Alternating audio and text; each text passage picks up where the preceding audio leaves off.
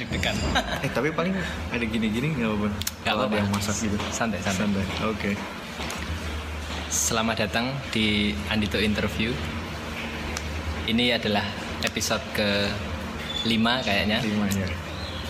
Konten ini video lengkapnya bisa dinikmati di YouTube.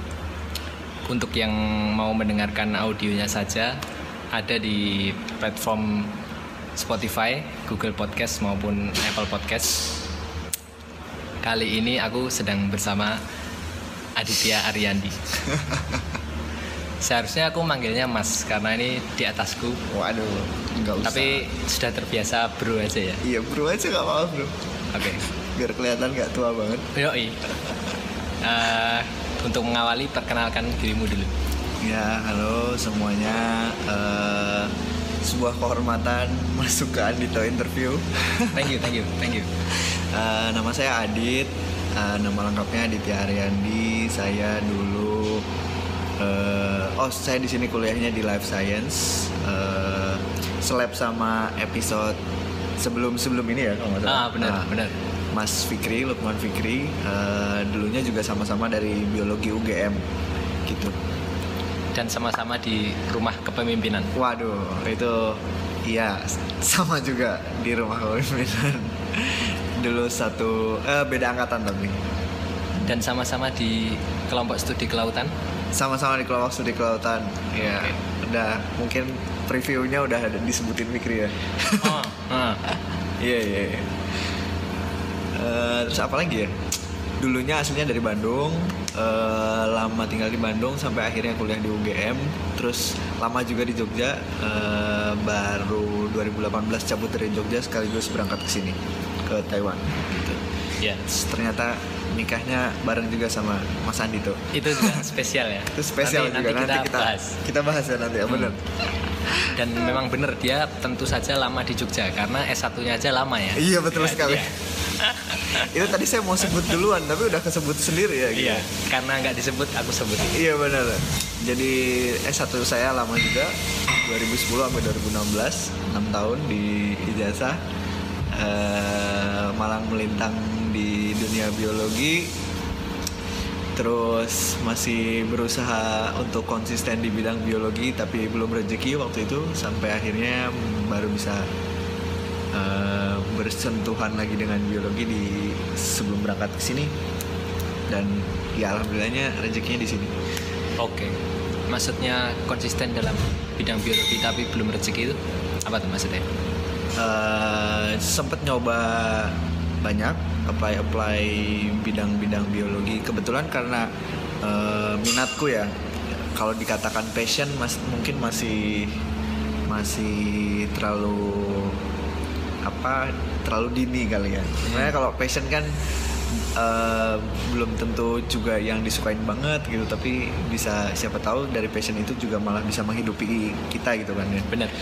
jadi minatku dulu eh, pengennya ke R&D di mana pun research and development. Hmm. itu kebetulan dulu eh, bukan kebetulan sih memang aku akhirnya men- menjatuhkan pilihan minat ke bidang mikrobiologi dulu di S1 nah terus eh, somehow itu tidak berjalan mulus gitu. Maksudnya pengembangan skill di lab pengembangan skill eh, di komputer gitu komputasi juga karena ada biologi komputasi juga kan itu I've tried to earn that Uh, jadi ngerasa sebelum lulus walaupun lulusnya lama berusaha untuk menutupi kekurangan-kekurangan karena lama lulus gitu. Hmm. Nah, terus setelah lulus pun nah di situ akhirnya pertentangan nih. Jadi kayak pengen idealis gitu loh, kayak pengen tetap di jalan di jalur biologi gitu. Makanya kenapa tetap bersikukuh mencari pekerjaan yang relasinya tetap di biologi. Eh, waktu itu apply LIPI, CPNS, sambil coba LPDP, apply di sempat interview di Kalbe, terus eh, beberapa yang paling terakhir yang sebelum keberangkatan ke sini ada di satu universitas di Semarang, eh, apa kayak dok dokter, Hmm. dokter di sana bikin kayak lab dia sendiri gitu. Terus eh, dia lagi riset eh, rekrut riset asisten buat di kultur sel tapi karena beliau tidak mau yang keputus sekolah Oke. karena aku udah terima di Taiwan jadi akhirnya aku lepas gitu. Akhirnya terus akhirnya memutuskan untuk berangkat ke Taiwan gitu. Jadi selama jangka waktu 2 tahun itu untuk tetap hidup karena kita tetap butuh hidup ya namanya juga sudah lulus dan lain-lain eh, aku banyak di fotografi terus udah gitu pekerjaan utama yang paling me- menolongku saat itu adalah di sales and rent. Jadi ngeren equipment uh, fotografi lighting bla bla bla bentuknya rental jadinya. Di Oh. Jogja. Namanya lensa Jogja. Kalau mau ngecek IG-nya lensa Jogja. Oh masih ada sekarang? masih masih ada. Bosku masih ada di sana juga. Oh keren keren. jadi ya eh, banyak belajar juga di sana di Lensa Jogja baik dalam eh, kayak organisasi lagi ya jadi jatuhnya maksudnya ha- handling handling customer market market eh, penjual apa market sewa itu seperti apa terus eh, bisnis rental itu seperti apa hal-hal apa yang harus dihadapi sampai akhirnya di akhir-akhir kerja itu tiga bulan empat bulan sebelum kerja ya eh empat bulan sebelum resign akhirnya selesai itu ya dipercaya buat jadi semacam store manajernya gitu lah jadi Oh. mau me- meningkatkan kualitas SDM di dalam keorganisasian toko tersebut gitu Oh Nah, keren keren. sampai akhirnya ke resign dan berangkat ke Taiwan gitu Oke. Oh, gitu sih jadi makanya tadi bilang dua tahun masih berusaha mencari jadi emang itu sambil nyari sih di proses dua tahun gitu ya begitulah mungkin Anita ini udah dengar-dengar sedikit waktu apa di tadi katanya dengerin Curhat biologi. curhat biologi ya Iya. iya itu Tapi yang barusan ini nggak ada nih yang fotografi fotografi kan? iya nggak ada Nggak ada kan? nggak ada Oh keren keren. Eh, jadi kan tadi salah satunya store manager ya. Heeh. Selain itu di situ kamu sebagai apa? Fotografer berarti? Eh, enggak, kalau di Lensa Jogja itu fokusnya di hmm, jualan, eh maksudnya di rental gitu, Persewaan ya? persewaan gitu. Cash, cash kalau waktu jadi store manager ya eh, ngehandle scheduling shift, terus alat keluar masuk, terus inventory, eh, stok opnam, terus cash flow juga. Kebetulan waktu itu bosku baru nerapin sistem POS, point of sales, eh, yang apa namanya, Moka Pos tau nggak? Eh, jadi kayak sistem teman-teman mungkin yang pernah dengar ada Moka Pos, ada Pawon, jadi sistem kalau kita bayar ke kasir, Mm-mm. terus eh, udah automated softwarenya. Oh, Oke. Nah, kayak eh, Langsung rekap. langsung rekap ya benar. Oh, Oke oke. itu ya bantu di situ tapi aku nggak nggak teknis bikin back endnya ya. Cuman eh, pas pelaksanaan aja ke teman-teman yang di shift gitu. Terus ya sama lebih ke ini sih. Maintenance. Maintenance alat juga. Eh, udah. Kira-kira gitu. Dan sekarang udah makin keren aja tuh kalau lensa joggingnya sekarang Oh iya. Hmm. Oh.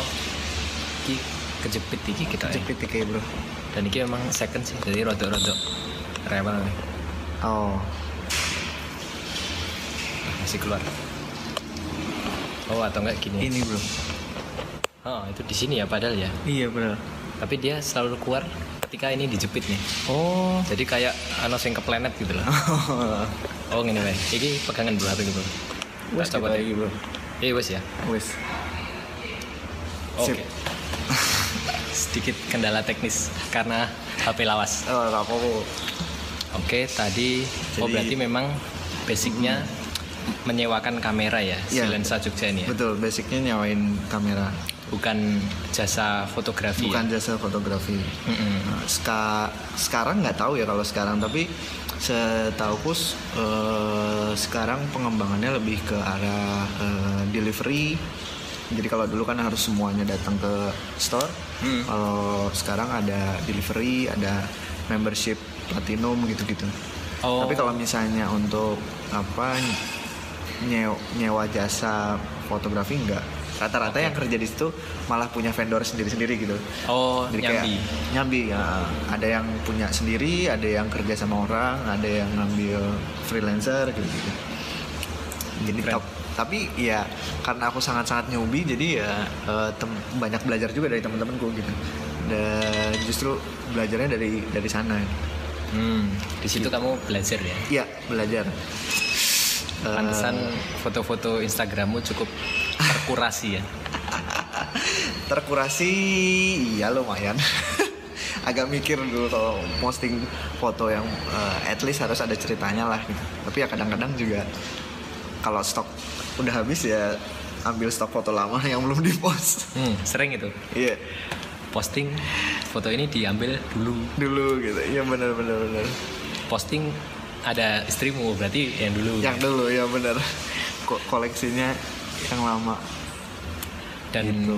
karena kamu LDR ya, jadi sekarang kalau misal kayak kemarin kamu jalan-jalan terus foto-foto ya jangan semuanya diposting ya jadi ya. Iya, benar. di- Dicicil ya. benar sekali wah ngamatin ya Andi nih Ngamatin. bener Nggak sengaja ngamatin. di dicicil gitu karena for me it was a precious moment dan malah eh, ujung-ujungnya eh foto apa isi galeriku atau isi kameraku dulu isinya foto-foto istriku semua Oh, oke. malah jarang foto berdua gitu karena Oh, mumpung iya. ada objek kan ya ya udah gitu Iya. mumpung ada objeknya nah, rata-rata gitu sih jadi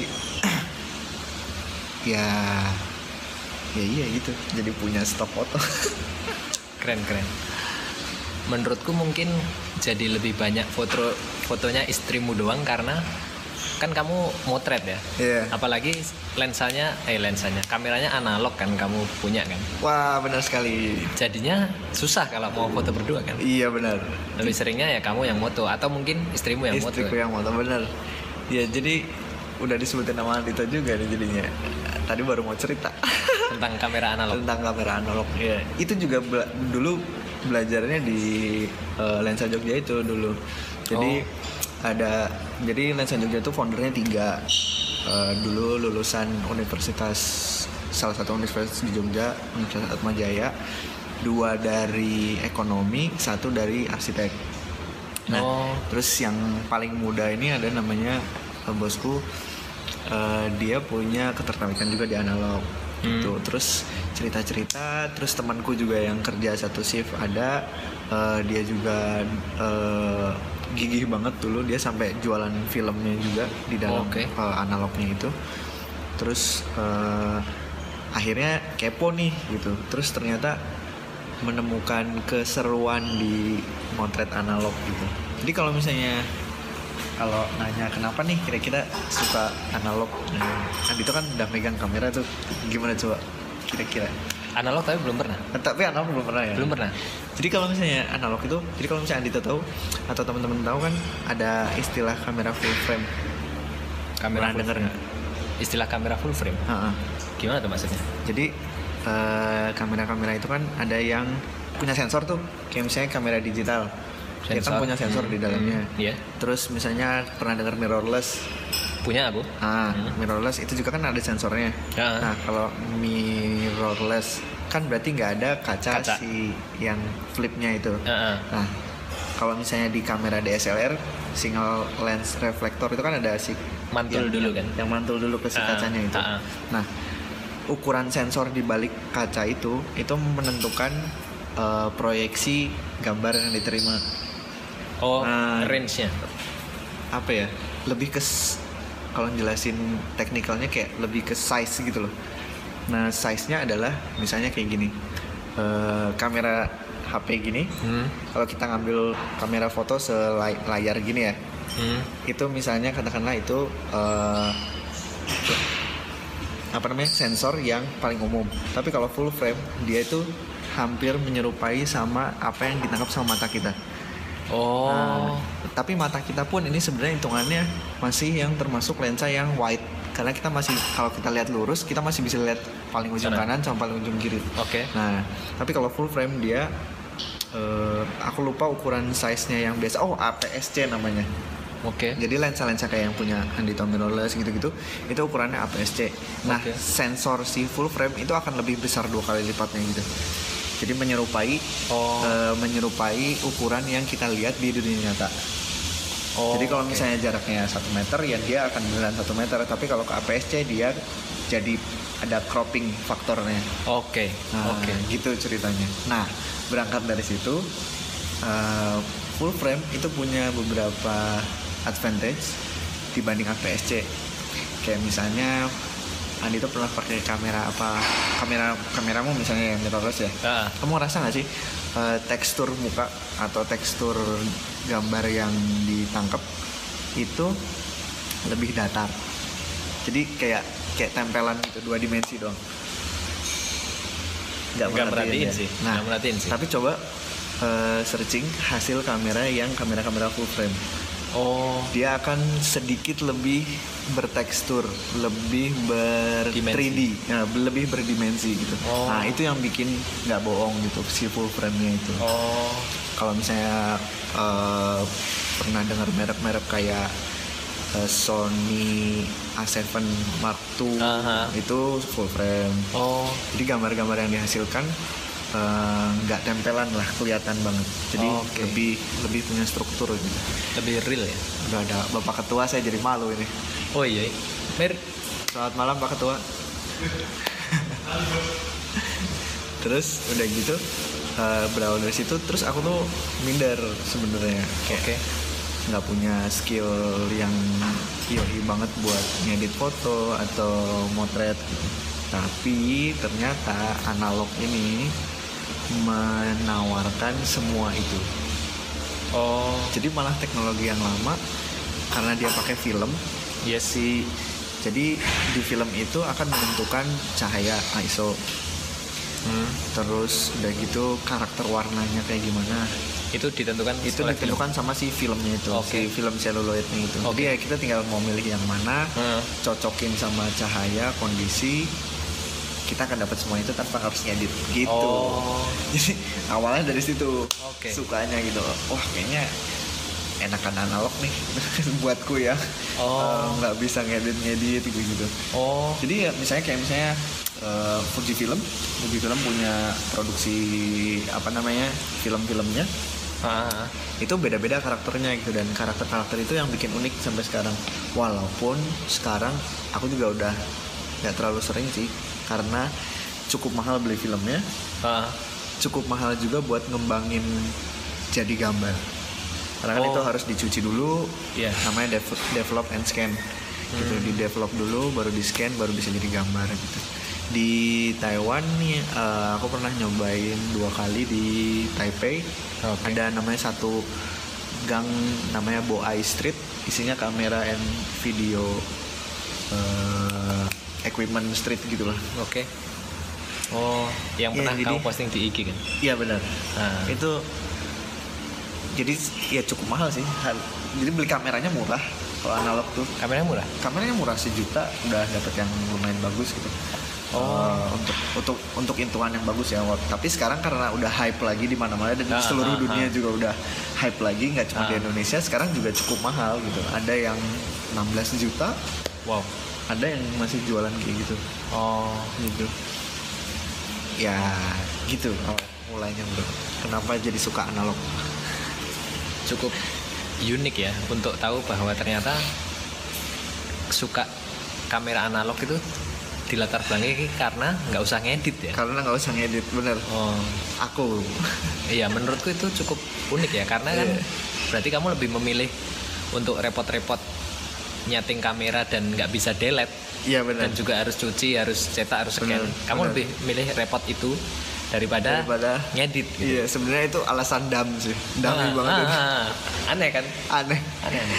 karena eh, walaupun sekarang banyak yang jualan preset ya kalau pernah dengar eh, preset eh, preset buat Oh, gambar. preset edit. Preset editing. Oh, iya, ya. iya, iya. Itu kan banyak banget sekarang yang jual-jual apalagi fotografer-fotografer yang tontonnya oke gitu kadang-kadang suka ngejualin gitu. preset by siapa, preset by siapa gitu.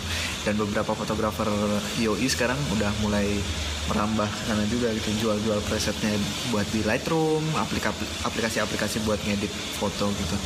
Tapi sebenarnya itu penting banget untuk dipelajari dan bisa dipelajari cuma well aku cari excuse aja jadinya harusnya malah belajar ke sana kan gitu Edan Gitu. sih.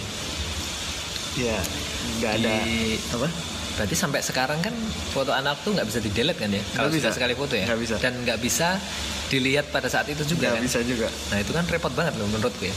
itu repotnya itu uniknya Heeh, ya. itu deg-degannya Deg-degan sih. iya sekarang bayangin kamu punya tergantung filmnya ya jadi kanister film itu ada dua jenis Eh, apa berdasarkan jumlahnya ada dua jenis ada 27 ro, eh, 27 exposure sama 36 exposure maksudnya adalah 27 kali jepret sama 36 kali jepret Itu jadi, doang jadi sekarang? 36 frame Heeh. yang bisa jadi 36 gambar bener Eh, jadi satu kali beli film itu cuman terbatas 36 kali itu motret. sampai sekarang tuh itu doang tuh pilihannya. Iya, pilihannya cuma itu 27 sama 36. Edan. Ada lagi yang lebih jahat lagi. Apa tuh? Tadi kan aku bilang cerita full frame ya. Itu Full frame, ya. ngasilin ukuran Sesuai kalau mata. di VSCO itu sekitaran 3 banding 4. Oh rasionya. aspek rasio. Hmm. Aspek rasionya. Ada lagi yang namanya kok aku jadi lupa sih. Itu ukurannya 3 itu namanya gambar rasio yang dihasilkan dari ukuran film 35 mm. Jadi diameternya itu 35 mm Oke. menghasilkan ukuran rasio 3 banding 4. Heeh. Nah, Hah? ada lagi yang lebih jahat. Ada Kenapa? 100. Itu kan cuma 36 tadi aku ceritanya. Ah, ah, ah. Ada lagi ukuran film yang namanya 120 mm sebutannya. Hmm. Dan ukurannya jadi lebih gede segini kalau nggak salah. Dan Oke. kameranya juga segede gini. Oh iya iya. Nah, iya. itu lebih jahat lagi. Isinya cuma 12 bit Oh Edan. dan lebih mahal. Edan Edan. Iya, jadi ya analog cukup sekarang jadi tren dan jadi mahal lagi. Padahal dulu kayak ah elah analog belinya berapa sih 200 ribu 300 ribu gitu terus Iya. filmnya tuh murah-murah 20 ribu 30 ribu gitu sekarang satu film di Indonesia temanku ada yang bisnis 150 ribu 180 ribu gitu. dan mereka Iya. harus import dari Jepang saya kayak gitu saya mereka jalan-jalan ke Jepang terus beli banyak sekalian semua pulang ke Indonesia dijual lagi gitu itu jadi apa namanya hips lah ya jadi, jadi hipster Hype. gitu jadi hype banget gitu Tadi anu ya. Yang negatifnya 100 sekian mili tadi. Heeh. Itu kameranya harus lensanya segitu ya. Hmm, len- kalau lens kalau lensanya kalau kameranya kan ada ukuran yang kamera 35 mm ada yang kamera lensa, yang ukuran lensa kamera ya. oh ukuran kanisternya Apalagi tuh.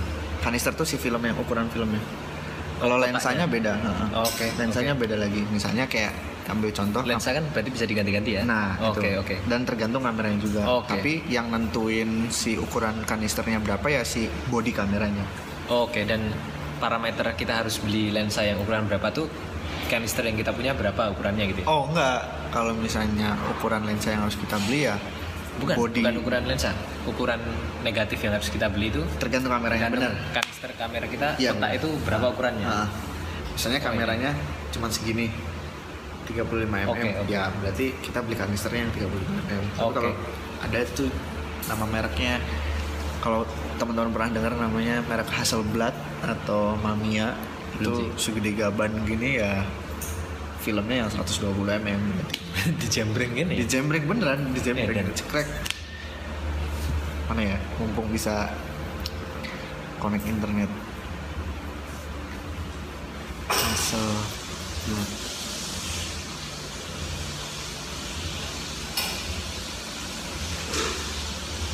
Wah, agak loading belum? Nah ini segini setangan kita kameranya. Oh, Nah ini ikunnya kanisternya segitu ya. kanisternya segede gitu. Nggak ada yang nah ini ini hasil blat yang lama. Oh, kayak model-model ya memang model lawas ya. model lawas gitu jadi Hmm. segede gitu kameranya kayak gini teman-teman Iya, biar aku nggak usah ngedit. Iya. nanti ngedit oh, keren keren. iya jadi kameranya ah ini tapi ini digital sih ini ini udah digital ya. Oh, tunjukin tunjukin. tapi kira-kira kayak gini lah Oh. segede gini lah kameranya jadi ya rollnya juga gede gitu oh, Edan. Mm-mm. Keren, dan keren. itu tidak terjamah buatku Mahal ya. mahal mahal mahal Punyamu berapa mili? punya aku 35 mili Oh. 35 mili mereknya Canon Oh, jadi selama ini nek neng YouTube mono para fotografer-fotografer retro-retro gitu sing pakai Hmm. analog Hmm. ngasih judulnya 30 shot on 35 mm itu kanisternya ya, kanister bukan lensanya bukan ya. lensanya Oh, karena kan lensa ukurannya mm juga. ada juga 18 25 mm. betul 18 25 mm 35 mm Berapa? 50 70 mm gitu. 70 mm benar Oh. 35 70 mm benar sama Oke, juga oke. Oh, tapi kan kalau itu lebih ke diameter lensa oh dia. eh sorry sorry Oh, yang- focal length sorry Ah, yang ukuran lensa itu ukuran ya? lensa focal Ininya ya, iya. bukaan ya. iya bukaannya bukaan. ya. benar Oh, gitu. aku lupa lupa nih jadinya istilah perfotografian iya.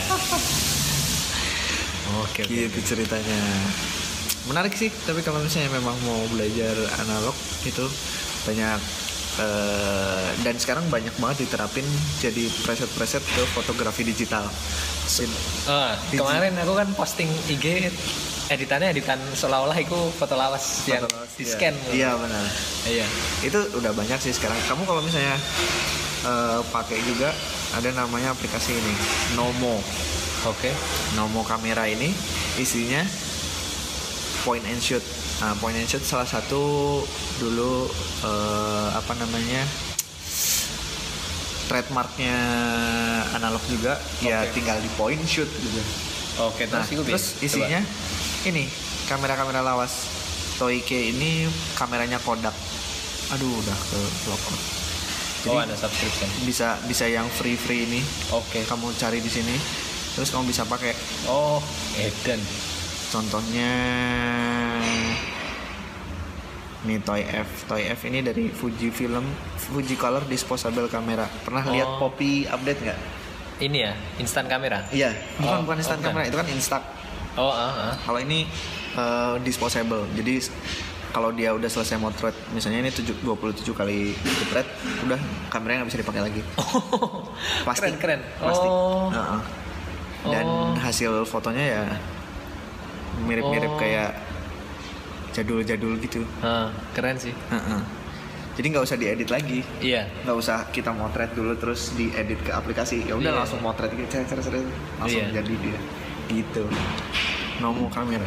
Oh. Promosi jadi. Ini kita nggak bisa coba sekarang nih. Oh bisa bisa bisa. Oh, Kita coba deh ya. selfie dah. Nah, Terus nggak dilihat gini-gini. loh kenapa saya ini? Oh, nggak bisa kan ya? Bisa bisa. Eh, ke lockout ini. Kalau lama nggak dipakai. Sebentar guys.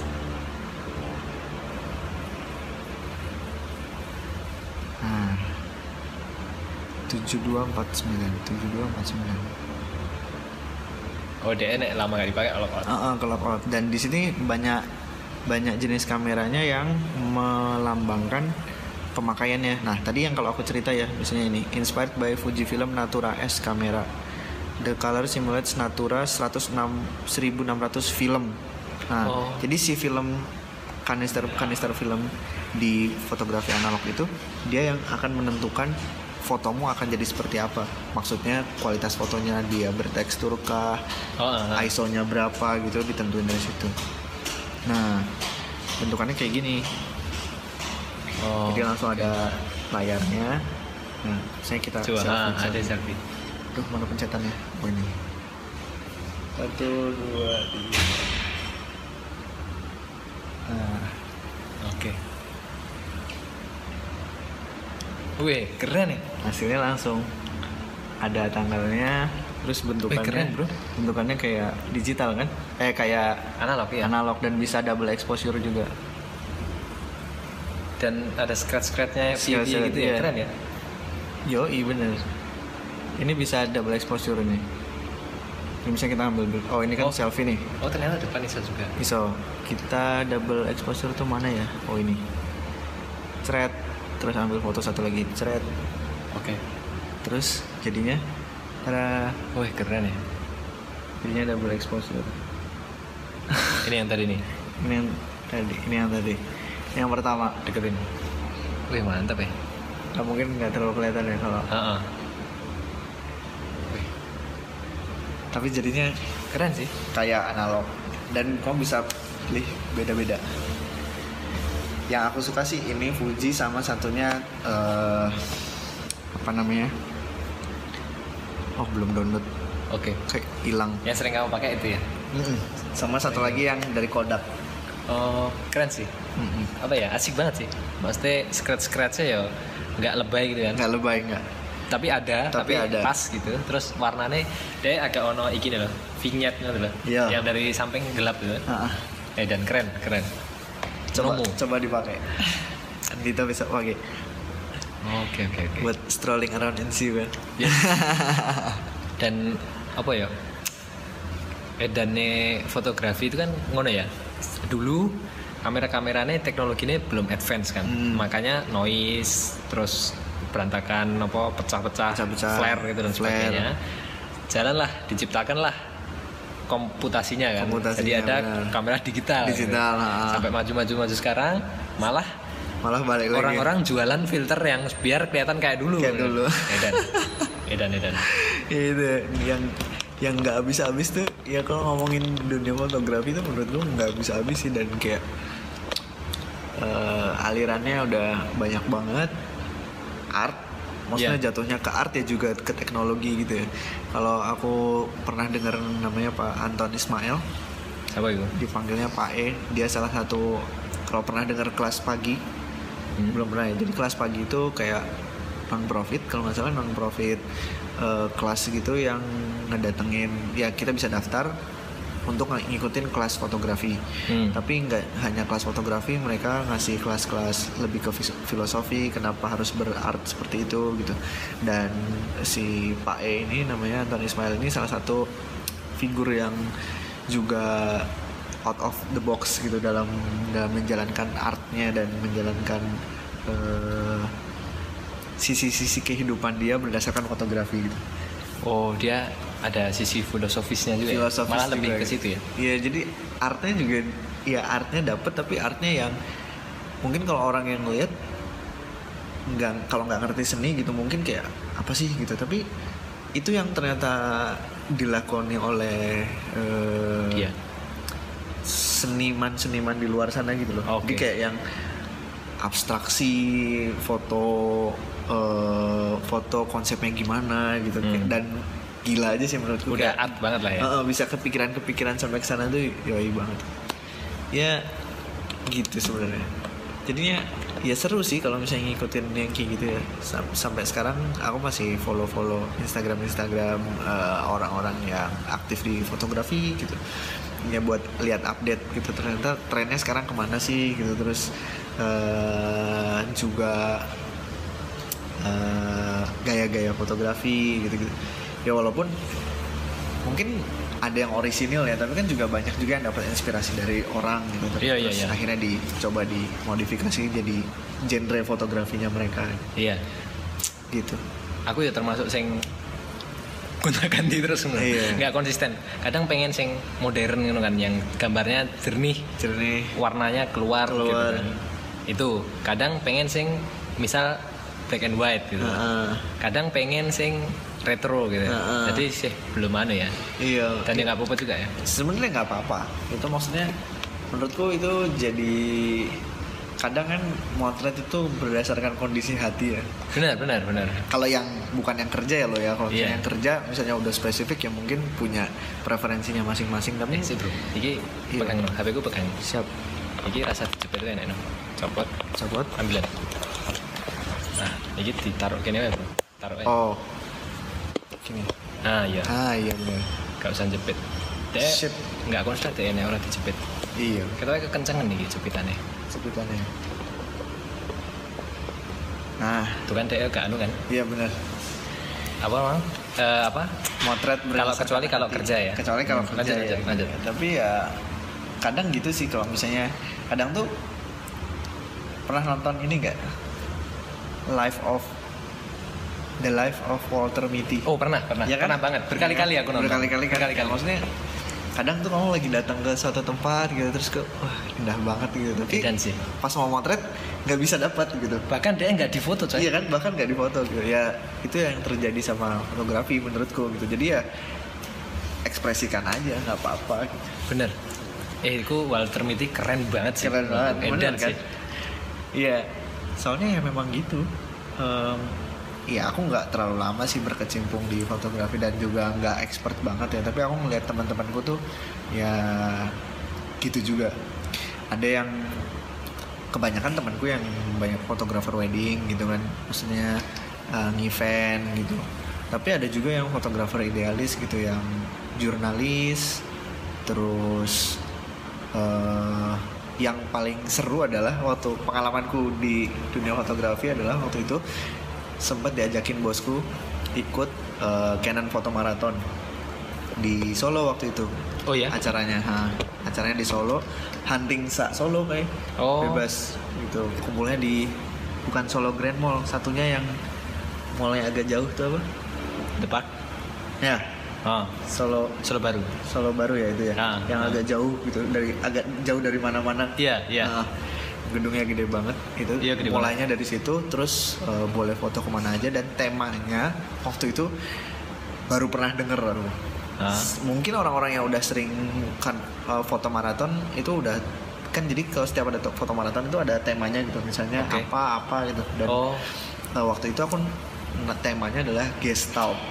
Guys gestalt. Tulisannya Gestamu? G G E S T A L T. Oh apa itu jadi s- guys tahu.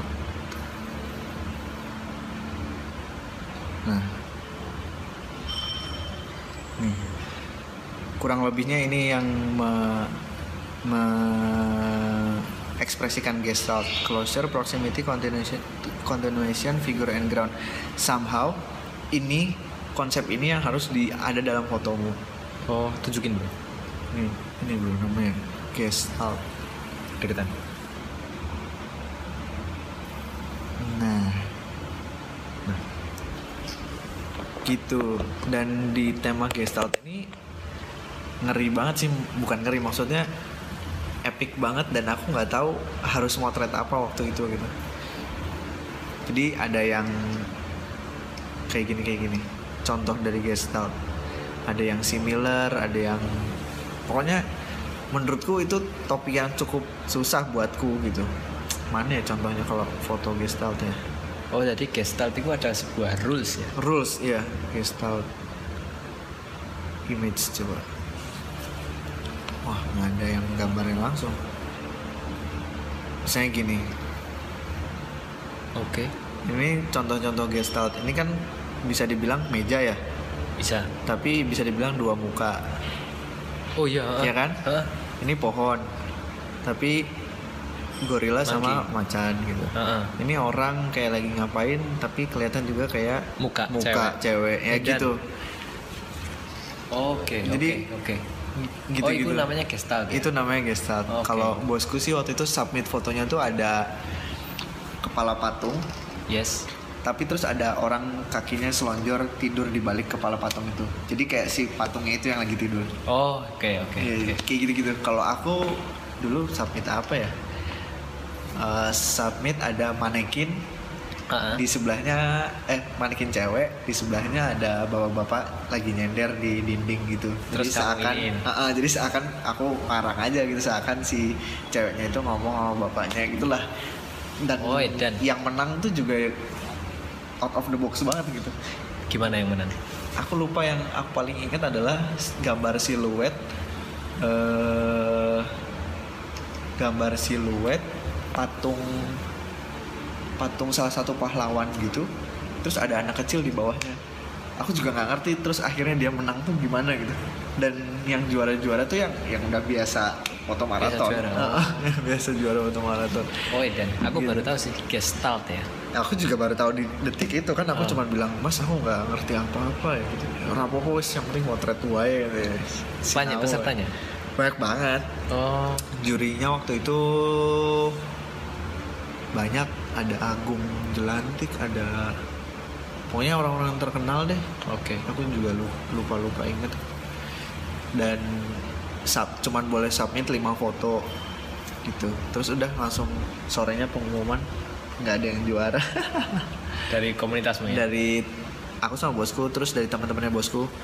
Nah, teman-temannya bosku tuh kan deket sama orang-orang Fuji Film Jogja. Oh, terus waktu itu jadi kenalan-kenalan sama orang-orang Fuji Film Jogja lah. Oke. Dan uniknya dia di Wikipedia tadi digolongkan psikologi ya. ada psikologinya juga Oh. tapi aku nggak nggak belum begitu mendalami lagi sih ya Berarti di psikologi itu ada juga sendiri ya definisinya ya. mungkin seperti itu Nah, ini kan Ini kan, psikologi. nah, psikologi pattern ini nih similar figure proximity continuity closure common region Oh. Keren ya. keren dan ternyata tuh bisa sejelimet ini juga gitu Berarti kamu di lapangan pada saat itu Oke temanya gestal terus kamu langsung buka-buka ya? buka-buka dulu belajar dulu Pakai belajar nih. Eh, kan Iku waktunya tuh berapa lama ya pelepasan jam 7 pagi lepas aja gitu Ah, ya. dilepas aja cuma diumumin temanya doang terus dilepas aja 5 jam kalau nggak salah sejam Oh. pertama aku sama bosku cuma nongkrong ya, ngeliatin gini Soalnya- apa ya soalnya waktunya masih lama ya? waktunya masih Belajar saya, lama, belajar saya. belajar saya gitu Oh, keren. baru jalan ke mana ke mana ya ke pasar akhirnya waktu itu ke pasar yang deket stasiun apa Pasar dekat stasiun. Pasar Pasar apa ya dekat stasiun ya? Dekat stasiun, kok Beringharjo sih pasar lama Solo apa ya? pasar dekat stasiun ya. Dekat stasiun pasar apa ya? Apa apa Katanya ya? nggak ada pasar di kalau bukan- stasiun. bukan- Stasiun balapan. lali ya Stasiunnya ada balapan karo Purwosari. yo kudu googling sih aku lali pokoknya ceritanya ngono Oh, ma- mana ya tempatnya selain kamu di pasar itu? Yang kamu coba? Uh, cuman sekitaran situ sih soalnya aku Oke. ngikut bosku kan bosku bawa mobil Hmm. terus kita cuman parkir satu tempat terus cuman pindah dua kali doang Oh, itu kamu analog? aku bawa Eh, analog anu ding. Tapi yang disubmit itu tapi di submit kan digital berarti kan? iya Nah. digital yang di submit digital tapi aku bawa analog waktu itu Oh, aku lupa aku nggak tak save hasilnya di sini itu nggak di HP aturannya foto doang langsung submit atau boleh diedit? editnya cuman eh, ter apa edit HP eh edit di kamera Oh, kayak ini. saturasi kontras Oke. brightness cuman yang bisa disetting di kamera doang Oh, berarti nggak boleh edit ya? Nggak boleh. Nggak boleh post Nggak production boleh ya? post pro Ah, oke. kayak misalnya di Fujifilm gitu kan punya filter sendiri kan Ah, Nah, misalnya filternya apa Velvia gitu misalnya Ah. terus eh, bisa ngatur darknessnya langsung Ah. bisa ngatur kontrasnya langsung terus udah gitu foto udah selesai oh keren keren. gitu ceritanya menarik sih dulu Menarik menarik. nggak ada habisnya ngomongin fotografi Bener, aku paling setuju itu sih. Satu hal, satu kalimat untuk menggambarkan fotografi gue emang iku mau tidak ada Iya, habisnya. tidak ada habisnya Tidak gila habisnya. karena dia muter aja terus no. Ah. Kayak yang mau analog digital analog digital. analog digital terus kalau misalnya ngomongin style juga banyak banget sekarang fotografer-fotografer di Indonesia yang ciamik-ciamik gitu Eh, apalagi yang menawarkan ton-ton tersendiri gitu kan ya Firsa Bersari aja juga Ah. fotografi-fotografi kan gitu kan Bahkan sinematografi ya. sinematografi juga gitu yang menarik sih banyak kalau aku sering eh, lihat-lihat updatean sama lihat-lihat update apa eh, foto-fotonya Govinda Rumi kalau tahu Nggak tahu. itu salah satu eh, fotografer awalnya dari wedding tapi dia punya pose-posenya yang aneh tapi oh ini yang somehow pernah nyambung pernah re- anu nggak sih bawa review di storymu nggak sih? Ya Ah iya, iya. Ah. aku ingat itu. ya pernah tak update di story gitu Eh, foto-fotonya tuh unik aja gitu mungkin ada cara untuk menjelaskannya secara teori fotografi tapi aku nggak tahu Oh. Tapi menurutku ya ngefeel aja sih Ah, itu ada kena lah ya. kena gitu ada Govinda Rumi kalau terus sering lihat lagi aku juga dikasih tahu temanku dan ternyata setelah kepo-kepo juga keren banget ada namanya kok malah lupa aku keinget mukanya tapi terus lupa Hmm. Tapi kamu mukanya inget nih ya? iya ini udah ingat Sa- terus fotografer Fuji juga waktu itu ada eh, namanya Adit PK namanya Adit juga Oh. eh Karol Kuncoro ya ampun yang aku mau bilang cewek Kuncoro. Karol Kuncoro Karol. Kuncoro. Karol Kuncoro Oh, K atau C? C Oh. Carol Kuncoro Oh. dia eh, fotografer wedding juga tapi juga nggak tahu sih kalau selain di wedding tapi dia motretnya pakai yang 120 tadi. Oh, Edan. Nah, dan BW-nya black and white-nya eh, ataupun shot-shot di berwarnanya itu juga bagus-bagus. Dan dulu yang bikin uniknya adalah dia cerita gini dia ngatur feed Instagramnya Hmm. itu kan tiga kan feed kan Instagram. Itu satu berwarna satu semi berwarna jadi maksudnya warnanya agak ton-ton gelap gitu Hmm. satu black and white dan dia Oke. postingnya selalu gitu berwarna berwarna semi BW berwarna semi BW jadi ngegaris tiga gitu loh Oh, Dan- kita buka apa, Bro? dulu sih Nah, tapi terus udah gitu sekarang dirubah Oh, gitu. sama dia karena dia bilangnya Mantap. Gua tak. Siap bro, aduh terima kasih bro. Karena eh, di- jadi ada ada cerita unik di balik kenapa dia eh, bikin fitnya kayak gitu. Katanya itu menggambarkan sedikit personalitasnya, personalitinya dia yang eh, kadang ceria banget, kadang glow, gloomy dan kadang Dark banget. dark banget gitu dan. Tapi foto-fotonya yoi yoi gitu. Oke. jadi kayak kadang tuh mikir gila ya ide-ide ya sama lah kayak di setiap bidang kita gitu. Maksudnya gila ya ide-ide keren tuh bisa datang ke mereka gitu. Tapi kalau kata tapi kalau misalnya balik lagi ke motret ya itu balik lagi ke jam terbang sih. Jam terbang Benar, gak benar. bakalan gak bakalan bohong.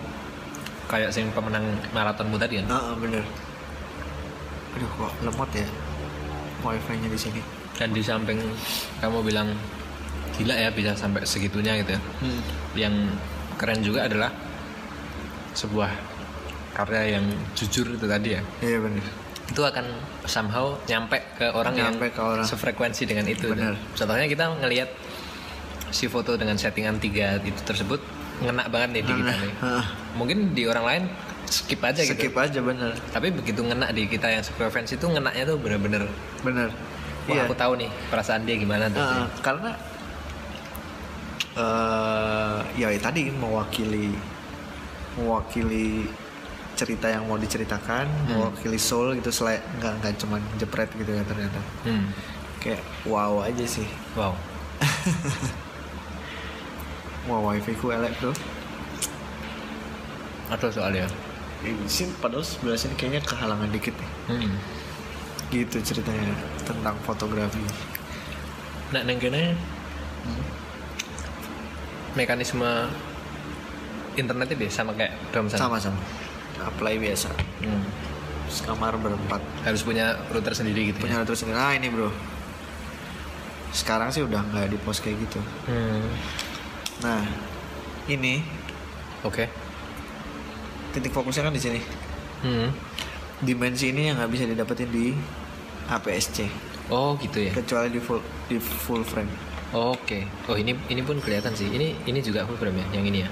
ini full frame Kerasa beda sih emang ya. Emang kerasa dimensinya kerasa ya.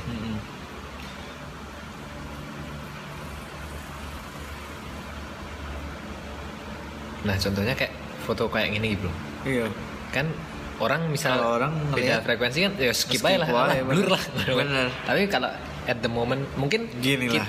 Ah, mungkin kita pun di suatu momen kita skip juga Kita dia. skip juga, Tapi bener. ada suatu momen di mana kita sama akan nih melihat oh, terasa Heeh, ah, merasa ini kayaknya terwakili. ini ha. ini udah udah nggak nggak beraturan Ah. nah, terus akhirnya dia di suatu saat gitu akhirnya dia update story terus bilang eh, I will break my habits katanya gitu terus ya udah ngepost ya ngepost aja gitu Oh, udah stop dia Ah, untuk dia tiga itu stop. tadi. Ah, ah. Ya keren sih.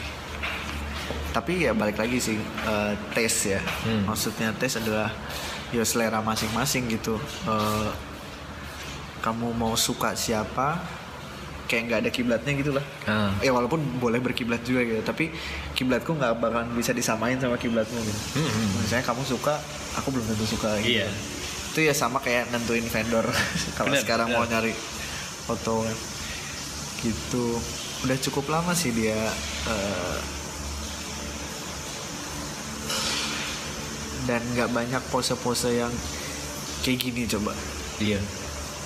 nah ini maksudnya dia ini Portra 400 filmnya merek Portra ISO nya 400 ISO-nya. Oh. Kontaks oh, kalau 645 analog itu ISO kamera. datangnya dari negatifnya. bener Oh. ISO 150, 100, 200, 400, 800, 1600 Oh, bukan diputer gitu ya. bukan diputer Oh, Oke. bukan dari Oke. gitu ceritanya bro Iki pose mainstream ya. iki pose mainstream sih Oke banget wong sing ning pantai iya baju kayak gini, posenya kayak gini. pasti ngono-ngono kayak kayak gini kayak gini gitu Ini kamera apa ya? iki anaknya tiga kali Oh, itu. anu tak US kita. ora Oh. Double exposure. double exposure. Oh. Iki nah dia ini Ilford XP2 itu Hmm. mereknya merek merek negatifnya. negatifnya Oh. merek film BW salah satu eh, apa ya produser produsernya namanya Ilford Oke. gitu gitu Zaman dulu itu film itu negatif itu pertama dibuat sudah bisa berwarna atau baru cuman bisa BW sih? BW bro Oh. aku nggak terlalu ngikutin ya kalau secara timeline tapi yang awal itu pertamanya malah sebelum ke celluloid Hmm. itu banyak banget eksperimentasi eksperimentasi eh, medium menangkap gambar mulai yang dari yang kamera yang lama banget itu loh Hmm. kena nebak nggak kenapa dulu zaman dulu foto orang-orang Belanda yang ada di Indonesia Hmm. mukanya kaku-kaku semua nggak bisa senyum Gak tahu. kira-kira kenapa dulu Kalau kamu nanya gini kan pasti pengaruh dari kameranya kan? bukan eh iya iya dari dari dari kameranya jadi jadi cerita yang lucu dari balik di balik cerita foto-foto kenapa foto-foto jadul itu pada serem Oke. pada mukanya datar gitu karena mereka harus diam di depan kamera selama berjam-jam untuk menunggu kam- kamera itu selesai mengambil gambar Eh dan iya ta? Iya benar. Jadi misalnya kamera itu eh, di di start nih misalnya. Hmm. Aku juga nggak tahu gimana cara startnya. Terus ya udah mereka harus diam aja sama berjam-jam. Makanya kenapa mukanya datar semua. Eh dan Kalau gitu. misalnya masa dia senyum 5 jam gitu. Hmm. Jadi itu yang bikin susah gitu. Kalau pernah dengar nggak kamera lubang jarum? yang fotografernya di dalam ini ya. Ah, Iya, itu. Ah, prinsipnya mulai dari situ. Oh. Dan itu bisa kita reproduce sekarang, bisa kita bikin sekarang. Misalnya kita punya kaleng kaleng sesuatu gitu, Oke. dalamnya dicat Dove warna hitam. Dove- Dove hitam. Dove Oke. hitam. Terus kita beli kertas foto, kertas foto yang Kertas bisa foto. nangkep cahaya yang buat di develop. Oke oke. Nah, itu kan ada bisa dijual kalau nggak salah. Nah, terus itu dimasukin ke dalam si kaleng itu, terus kalengnya dibolongin aja. Satu titik aja, satu Hmm. jarum gitu, terus diemin ke arah cahaya gitu. Oh dia Diemin gambar ke- di situ. Terus dia akan menangkap cahaya. Nah, lama dia menerima cahaya, itu yang dijadikan shutter speed. Oke. Di kamera kan ada shutter speed Iya, kan, 1 per ah, ah. 60, Ah, 1 per ah. 25, 1 per 15. Ah. Nah, 1 per 15 kan berarti sat, 1 per 15 detik. Berarti kan hitungannya Ah, satu per lima di bawah satu detik kan? Nah, di bawah satu iya detik iya kan. iya. kalau 1 per 60 kan jadi semakin cepat lagi. Iya satu detik dibagi 60 kan? Nah, 1 detik dibagi 60. Jadi misalnya kita buka si lubang kamera itu selama satu jam. Ya udah, Shutter speednya satu jam. ah, ah. gambar yang tertangkap cahaya yang masuk tertangkap itu yang nanti bakalan bisa keda- kedapat jadi gambar Oh. gitu ceritanya Jadi itu sekarang bisa. sekarang bisa kalau misalnya mau bikin aku follow IG-nya Foto papernya yang kayak gimana bro? Apakah kita beli foto paper biasa yang biasa di print di printer Canon gitu? bukan yang nggak boleh kena cahaya Oh, yang yang harus dibuat di, di dark room Ha, bener gelap itu ya? Ha. Oh, oke. aduh kamera lubang jarum Indonesia nah gini-gini bro Oh, ini hasil foto ini hasil fotonya nih jadi kayak white gitu oke. Akan nih ini kan kaleng oh. dalamnya diwarnain terus dia beli kertas fotonya Oh, ini ya. black and white maksudnya. ha. Oke. terus dia masukin ke dalam Oh, penentu black and white atau berwarnanya dari kertas dari fotonya? kertas fotonya Oh, oke. terus nanti kalau udah tetap harus di develop juga harus dicuci-cuci dulu Oh, sebenarnya dicuci-cuci itu ngapain sih, Bro? dicuci itu aku tuh nggak ngikutin banget ya chemicalnya apa Ah. tapi ada dua jenis ada yang ECN ada yang C45 apa ya kalau nggak salah Oke. nah kayak gini jadi si roll film yang udah selesai kita foto Hmm. itu nggak boleh kena cahaya dulu Hmm. kalau kena bakalan kebakar Iya. nah terus itu dimasukin ke dark room terus kayak ada alatnya namanya apa sih kayak tempat buat nyucinya gitu Oke. direndam dulu ke chemical chemical yang berbeda Ya. yang eh, formulanya itu yang pertama developer jadi dia mengemulsi si film filmnya tadi itu Ya. eh, gambarnya dikembang ada reaksi kimia yang terjadi sama si filmnya itu Oke. jadi gambarnya mulai kebentuk Oke. terus udah gitu masukin ke fixator fixer Ini cairan kedua ya? cairan kedua Oke. biar gambarnya tetap terus baru di wash washnya biasanya pakai air biasa juga bisa kalau nggak salah Di wash Gitu. itu kan negatifnya di wash tuh. negatifnya di wash dicuci Terus kapan tuh nyampe di kertas fotonya? nah itu beda lagi Ah. kalau mau dicetak jadi beda lagi Oh, prosesnya cuci bukan cetak beda ya? cuci sama cetak Oh. beda cuci cuci doang kita jadi punya klise ingat nggak zaman Itu dulu? boleh kena cahaya ya? kalau udah jadi klise Aman. baru boleh kena cahaya Oh. Oh, jadi makanya ya? inget nggak kalau kamu nggak tahu sih masih ngalamin apa nggak Tahu tahu. Jadi kita nyimpen kan nyimpen klisenya kan. klisenya kan nah itu misal kita nyetak, kita dapat fotonya sama klisenya. sama klisenya nah terus kita kasih kan nah si klisenya itu yang nanti bakalan dicetak kalau Iya. sekarang jadi scan rata-rata kan harus pada nyetak nih Oke. nah terus jadinya nge-scan nah si filmnya tadi itu yang udah jadi klise Hah? ditaruh di scanner baru di scan terus di Oh. kalau color, color invert baru jadi berwarna Oh, di colornya di digital ya? di digital color invert Oh, berarti nggak usah nyetak sampai jadi foto terus fotonya di scan ya? Tapi di, yang di scan di negatif. scan negatifnya Oh. gitu Pixelnya gimana bro? pixelnya tergantung scanner kalau nggak salah. Kalau sekarang scanner ya, ya, tergantung nah, scanner. tergantung scanner. Jadi kalau sekarang rata-rata eh, orang-orang yang develop cuci sama dev- eh, develop sama scan itu nawarin mau dicuci biasa atau mau dicuci high res. Oh, Yang high res suci high res tuh ada lagi cuci ya? high res ada lagi. Jadi Oh, filenya lebih gede aja. Jadi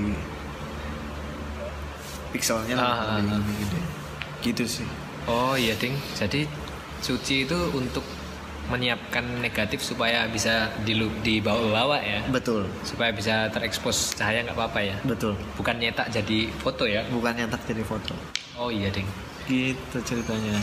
Dulu asik loh ya bro. Adewe duwe negatif kuno terus kita lihat-lihat fotonya. Iya, lihat-lihat dulu. Keren. Bener, itu ya setelah aku pakai analog lagi gitu ya sering juga eh, apa namanya zong gitu. Iya. Ya pernah waktu itu aku ke lagi balik ke Bandung tuh, Hmm. eh, terus eh minjem kameranya bosku, Ha. kamera mahal lagi waktu itu. Terus dia punya sistem nyangkutin eh, Negatif. negatifnya itu beda sama kameraku. Oh, Oke. Jadi somehow aku nggak kecantol lah ini. Tapi udah bisa diputar, udah bisa dikokang. Oh, udah udah setelah ditutup wah, udah kayaknya, biasa. Kayaknya udah udah geser nih gitu. Jadi kan dia sistemnya geser, terus kita motret kan, Ah. ceplek gitu kan, terus geser lagi, terus Ah. nanti dia kegulung di sebelah yang kanan Iya, kan. iya. Sudah pas kan aku beli kameranya yang ah, apa? Filmnya yang 36 kali jepret. Oke, Terus oke. udah 36 nih gitu. Seret. Nyantol. Mudah-mudahan nih bisa nih. Pas tak buka nggak nyantol. Oke, dan malah tak terus kan harus digulung lagi nih jadi setelah semua ini kan fi- film pertama dicantolin ke sini Iya. kamar aku sebenarnya ada di kamar sih Ah, terus dicantolin dulu ke sini terus nanti kan dia full di kanan.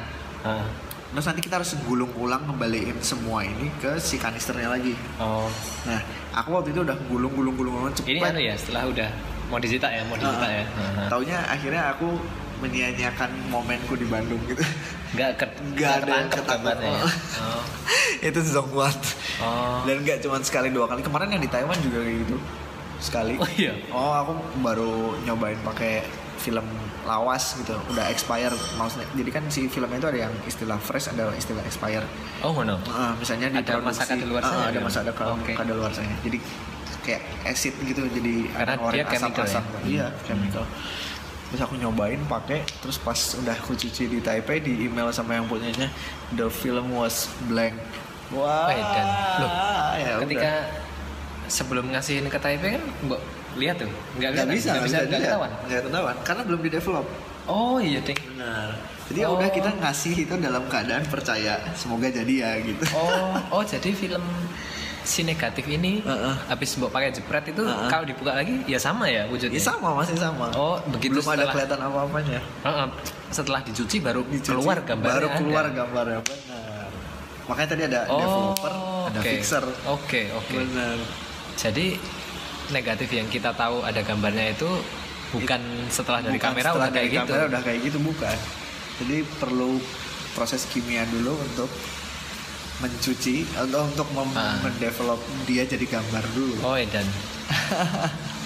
Wih, keren keren. tapi serunya di situ Iya. walaupun gedek juga sih kalau udah gitu kayak aduh udah beli filmnya lumayan gitu prosesnya juga lumayan kan tetap harus bayar kita Iya, untuk iya. menghasilkan sesuatu yang zong Karena dia tahu the film is blank kan setelah nyuci Se- setelah selesai. nyuci, iya setelah, setelah udah keluar selesai. es, udah keluar chemicalnya dia. ah, udah keluar chemical ya itulah tantangannya bro Aduh. Edan, edan. tapi serunya itu tak terima ya bro makanya Ah. gitu bro Kayak kapan-kapan kalau punya rezeki nyobain nyobain bro Penasaran sih? analog kalau mau pinjam punya aku pinjam kamu beli film sendiri Berapa? bisa aja ya pakainya Harga film berapa? rata-rata 100 200 MT. itu baru harganya loh eh baru filmnya loh Oh, oh ya. nyucinya 100 di Taipei 100 satu set. Sat- 100 jadi kita nerima file eh, digitalnya Oh, bukan negatifnya. negatifnya juga bisa maksudnya Oh. pasti kita terima digitalnya Digital. negatifnya balik sama nerima digitalnya. Berarti karena karena Untuk- tokonya di Taipei kan jadi dia nawarin buat ngirim email. Oke. Untuk punya 36 foto doang nih, kita ngeluarin duit 200 NT. 200 NT plus cuci. Oh iya, plus harus ke Taipei. Maksudnya ngeluarin waktunya itu ngeluarin juga. ya? waktunya juga. Terus biasanya Dan seminggu hasilnya. Jadi kayak waktu habis motret sama istriku ke sini kan Ah. istriku ke sini kan Chinese New Year ya udah tuh Ah. lima hari kami foto-foto-foto ngabisin dua film terus kita masukin tuh ke eh, labnya yang di Taipei itu oke. udah terus istriku pulang seminggu kemudian baru hasilnya jadi Oh. Kamu menyebutnya lab gitu ya? Atau emang orang-orang nyebutnya lab? foto lab Foto lab. Oh. Eh dan pas sama istrimu tapi kamu pasti bawa digital juga kan ya? enggak Gak punya? kemarin kemarin aku nggak bawa digital pakai oh. HP Oh, Oke. tapi kamu punya kamera digital nggak sekarang? sekarang nggak nggak megang Oh. Cak balikin ke mbakku mau dipakai mbakku aku kan punya kakak satu Oke.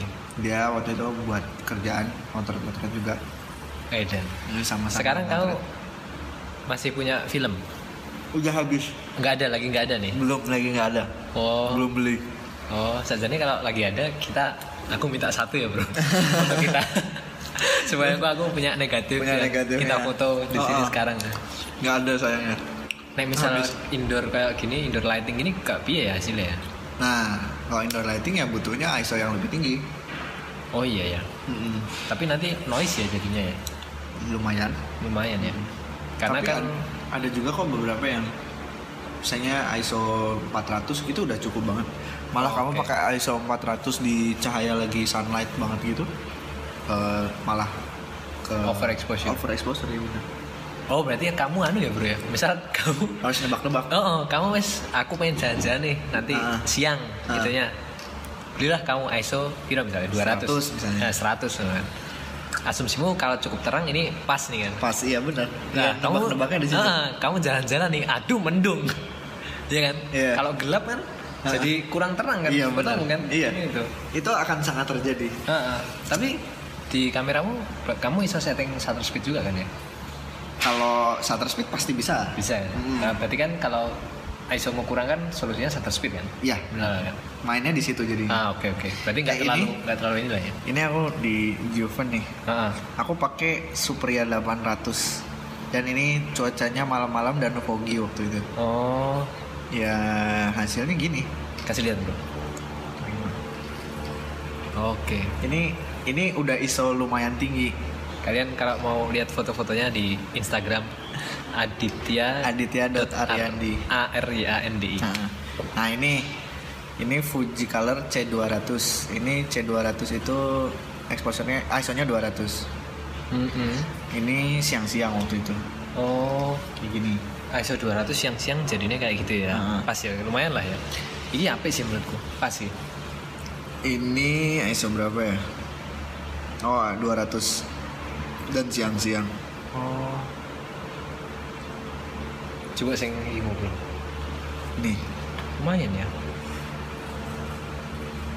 Secara nah ini kan ini grainingnya ini dari film ini yang mana? ini lihat grainnya nggak ada titik-titik ini Oh, Oke oke. itu grainnya film yang Oke. dihasilin sama film gitu Iki lensamu lensa aku 50 mili 50 mili. Kalau di analog ada f berapa itu nggak sih? ada tetap ada Oh, iki f berapa? sama ini 14 Oh, jadi dia bokeh lumayan ya bokeh Nah. nah maksudnya kalau kamu lihat updatean updatean 35 mm ini tuh maksudnya Kanister. filmnya kanisternya benar Apa aja gitu sticknya? C200 yang tadi ya. Ah, ah. C200 yang tadi 35 mm filmnya Ah. Canon FTBKL merek filmnya Fujifilm udah Sampai sekarang masih banyak ya, anu masih diproduksi dengan deras ya negatif itu ya.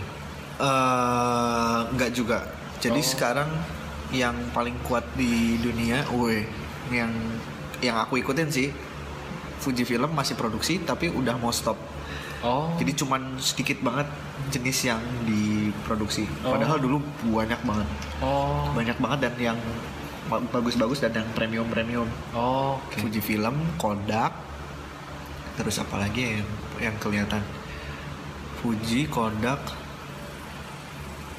kayaknya itu deh yang paling kuat. Masih yang masih Ilford, aktif ya. uh, oh. Ilford itu yang BW-BW yang masih aktif itu. Ilford yang tadi tuh yang Uh, uh, tapi Ka, saya, apa? Foto paper si orang tadi tuh ya. uh, uh, aku jarang ngikutin yang BW jadi nggak begitu familiar.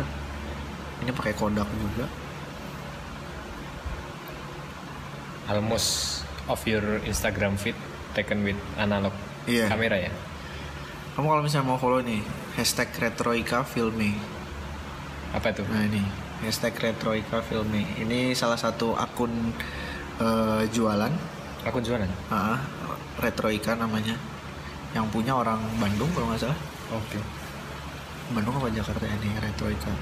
Dia seller eh, Kamera lawas. kamera-kamera analog. Iya Hmm. benar. Tapi terus dia followernya berhasil banyak banget karena dia punya itu hashtag Retroika Filmi Oh. dan dia suka ngefitur-fitur orang-orang di luar-luar gitu Retroika Filmi Oh. Retroika Filmi dulu aku sempat di fitur juga sih Oh, iya, tapi Bang? masih di bawah-bawah banget Oh. Sebuah pencapaian ya. sebuah pencapaian itu like-nya langsung kenapa tiba-tiba HP ku notifikasinya banyak kata Wah. gitu tiba-tiba eh di di fitur padahal padahal itu yang motretin istriku gitu Ah. tapi yang update aku di, Oh. di feedku sendiri Oke. Eh, terus kan aku ngetek retroika kan Ah. ya udah terus akhirnya di Gambarnya apa yang kamu di fitur? motret eh, fot- fotoku Gambar dirimu. oh, gambarku sendiri gitu lagi pegang kamera Oh. mana ya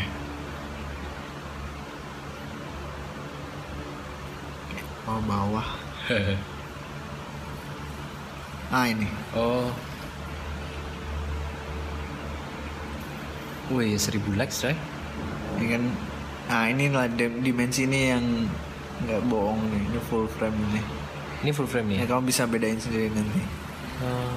ya kalau ini bokehnya bokeh dari kameranya Oh. ini pakai kameraku 50 mili f14 uji industrial 100 Wah. Keren keren. gitu ceritanya Bokehnya tapi bokeh sih lensa ya, bukan bokehnya masalah as- ya. iya Tapi aku suka sih bokehnya. ya skin tone gini-gini itu dari filmnya Film ya. Mm-mm. Wah, jadi tertarik. jadi tertarik kan tertarik dong jadi promosi analog nih Eh, kamu suka kamera dulu apa daf apa atau kerja di saja deh lensa Jogja dulu? sebenarnya cerita berawal kenapa jadi suka fotografi? Sejam bro. oh iya bro. Iya. Padahal tadi kita ngomongin apa? ngomongin apa ya pada? Jadi awalnya dari dulu memang suka berawal dari dulu ibuku punya kamera digital. Jadul banget. Oke. tahun 2000 SMP itu 2000 berapa ya? 2004 Ah, terus akhirnya aku suka foto-foto gitu Oh. terus akhirnya SMP SMA ya kalau ada teman yang suka foto-foto terus aku suka minjam nyobain gitu jadi ya nggak punya preferensi suka kamera apa gitu dan nggak Hmm. pernah punya kamera sendiri hmm. SMP SMA ya udah gitu jadi ya berlalu aja dan setiap ada uh, kegiatan buat motret-motret ya aku suka ikut-ikutan aja gitu Oke. tapi pinjam alatnya Hmm. pinjam alat teman sampai akhirnya di akhir-akhir uh, kuliah eh adalah sekitaran 2013 gitu em, mbakku menghibahkan kamera bekasnya yang sudah mulai error Oke. ya udah terus akhirnya punya kesempatan buat foto-foto gitu-gitu suka sampai akhirnya ya udah terus ya kok dilalah jodohnya uh, lensa Jogja itu buka kerjaan Hmm. terus akhirnya aku cobain aja gitu Oh. Out of nowhere gitu ya jadi apa out of nowhere juga gitu Iya, iya.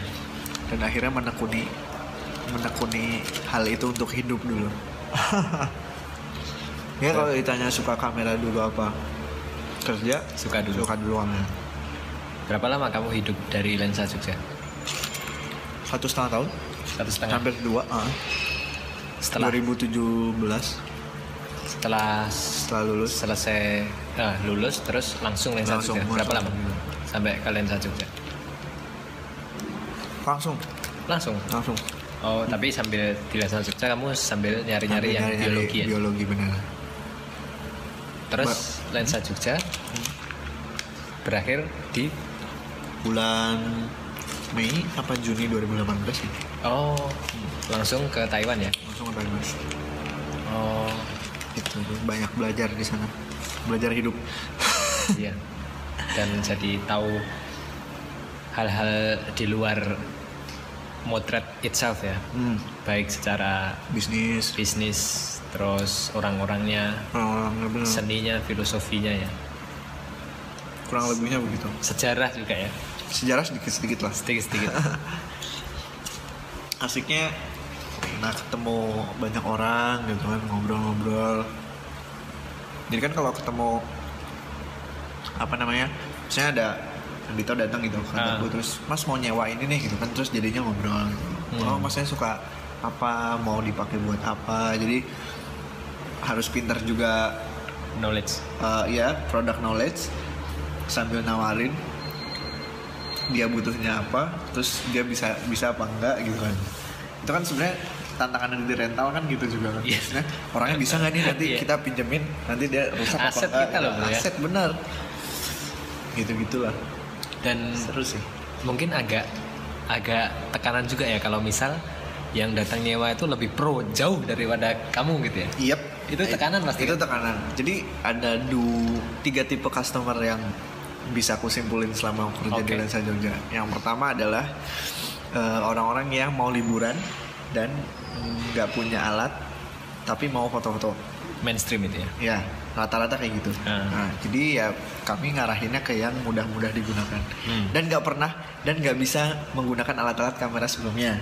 Jadi, Hmm. tapi mau foto-foto nih. Iya. Itu yang pertama, yang kedua itu yang udah ngerti tapi tidak untuk eh, profesional. Hmm. Nah, dan yang ketiga orang-orang yang dipakai buat profesional. Nah, jadi fotografer-fotografer Jogja tuh yang terkenal-terkenal juga kadang-kadang nyewa ke tempat kami juga gitu. Nyewa lighting, nyewa alat apa gitu. Terus tiba-tiba misalnya bosku bilang, "Ah, ini masnya ini, nih, gitu. oh oke. Terus pas udah jadi kalau misalnya jelasin gitu ya harus hati-hati juga, harus Iya, pelan-pelan iya. juga gitu. Terus tiba-tiba pas kepo IG-nya bah ternyata followernya udah Iya. yoi gitu kan. Iya. Terus Ada yang- kan aku diguyu gitu aja lagi. Heeh. Terus ada yang minjem lensa itu eh, tiga minggu minjem lensa tiga minggu sampai berjuta-juta lah pokoknya dia dia minjem lensa mahalnya Sony Oh. dan ternyata dia bawa buat tur Eropa Oh. Ya gila aja sih tapi ya gitu jadi nge-handle customer customer gitu juga butuh spesialisasi juga Iya. sampai aku skill. dinyek-nyek sama katakanlah suatu agensi di daerah barat di di Indonesia daerah barat Indonesia Oke. gara-gara eh, pengalaman dia rental sama apa yang kami tawarkan berbeda terus akhirnya di di ya dinyek ngono kayak apa sih gue ngono Kurang lah kamu. Iya kayak kamu kurang lah gitu terus apalah apalah gitu terus emang gini ya emang gitu ya mana orang logatnya kan orang "Eh, gua nggak ngerti loh gitu terus ya aku cuma iyain iyain aja gitu Tapi in your point of view gimana harusnya? Saya bang salah. sebenarnya banyak miskomunikasi yang terjadi sih jadi eh, kalau tempatku kan pertamanya dia nanya kebutuhannya apa kami ada nggak Oke. pasti otomatis SOP pertama adalah ngasih price list kan Oke. price list nunjukin kita stok alatnya ada apa aja terus udah gitu setelah ngasih price list kita harus cek dulu eh, kondisi alat Hmm. kondisi alatnya maksudnya di book nggak udah ada yang bayar duluan nggak Oke. eh, buat dipakai kapan terus kalau misalnya ada pun kita masih bisa lihat stoknya nanti eh, bisa diijoli nggak sama stok yang lain dulu gitu Oke. misalnya. nah terus tapi kan aturan rental itu beda-beda ya masing-masing ya Oke. nah dia merasa apa yang dia alami di rental yang dia pernah rental itu Hmm. harusnya apply sama semua gitu. contohnya Oh, hmm. contohnya kamera itu kamera kan terpisah ya sewa-sewa semuanya jadi Hmm. body sendiri hitungannya harganya berapa Oh, iya. lensa Nah, sendiri harganya iya. berapa gitu nah Hmm. di pemikirannya dia kalau nyewa body itu pasti sama mi- nah Oke, padahal oke. memori adalah item yang direntalkan juga Oke, Ya, oke. Jadi dari awal kami bilang BO body only Body only itu maksudnya bukan cuma tanpa lensa, tapi Tanpa tanpa lensa, tanpa memori tanpa juga. memori. Oke. Cuman oke. kita plusin baterai. Oke. Baterainya kadang-kadang dua atau tiga karena kami tahu itu eh, cepat habis misalnya Ah, gitu. ah. Tapi kalau dia bisa mau nyawa baterai lagi bisa juga nambah. Oke. gitu. Nah, dia nyangkanya gitu kan. Oke. Nah udah sampai ke TKP karena waktu itu dia handle event gede gitu di Solo. Nah, akhirnya aku ditugasin mewakilin kantor sama satu orang lagi buat nganter alat ke sana semua pas udah mau hari H ceder loh kok ini nggak ada memorinya Wah. oh, mulailah cekcok sih tapi akhirnya ya bisa ke handle sih. Jadi Oh, ya oke. tantangan buat nge-handle customer customer gede juga ya gitu sih sebenarnya. Oh, iya. belajar menghadapi orang juga gitu. Nah, belajar karena jualan. Benar-benar karena si orang tersebut dia juga lumayan sudah ekspertis ya di Iya, fotografi. udah Jadi ya mungkin eh, dia berdiri di idealisme yang cukup besar dibandingkan orang-orang mainstream lah ya. Heeh, benar yang kamu gitu. bilang cuma buat liburan tadi lah. Iya, kalau misalnya buat liburan kita ngarahinnya lebih bisa lebih enak lah ya. Ah, Cuman ada beda lagi ceritanya. Jadi, ini cerita deh jadi. monggo monggo. Jadinya beda lagi eh, tipe orang yang liburan manut Yes. sama liburan ngeyel. Oke oke. Kenapa aku bisa cerita liburan manut sama liburan ngeyel adalah karena kalau yang liburan manut adalah ya mas yang penting saya mau foto-foto aja dan hasilnya bisa bagus gitu Oke. oh oke berarti kita bisa ngarahin nih oh mending pakai ini aja bukan ngarahin yang buat jualan banget ya maksudnya Hmm. yang kan kita punya juga alat-alat yang mahal-mahal gitu misalnya Ah. dan kalau misalnya mau cari untung kan harusnya ngarahin ke yang mahal-mahal kan Yes. tapi nggak seperti itu di kami Iya. tapi me- berdasarkan kebutuhan lah Hmm. Nah yang tipe ngeyel adalah yang paling sering aku hadapi adalah orang-orang yang merasa punya duit Oke.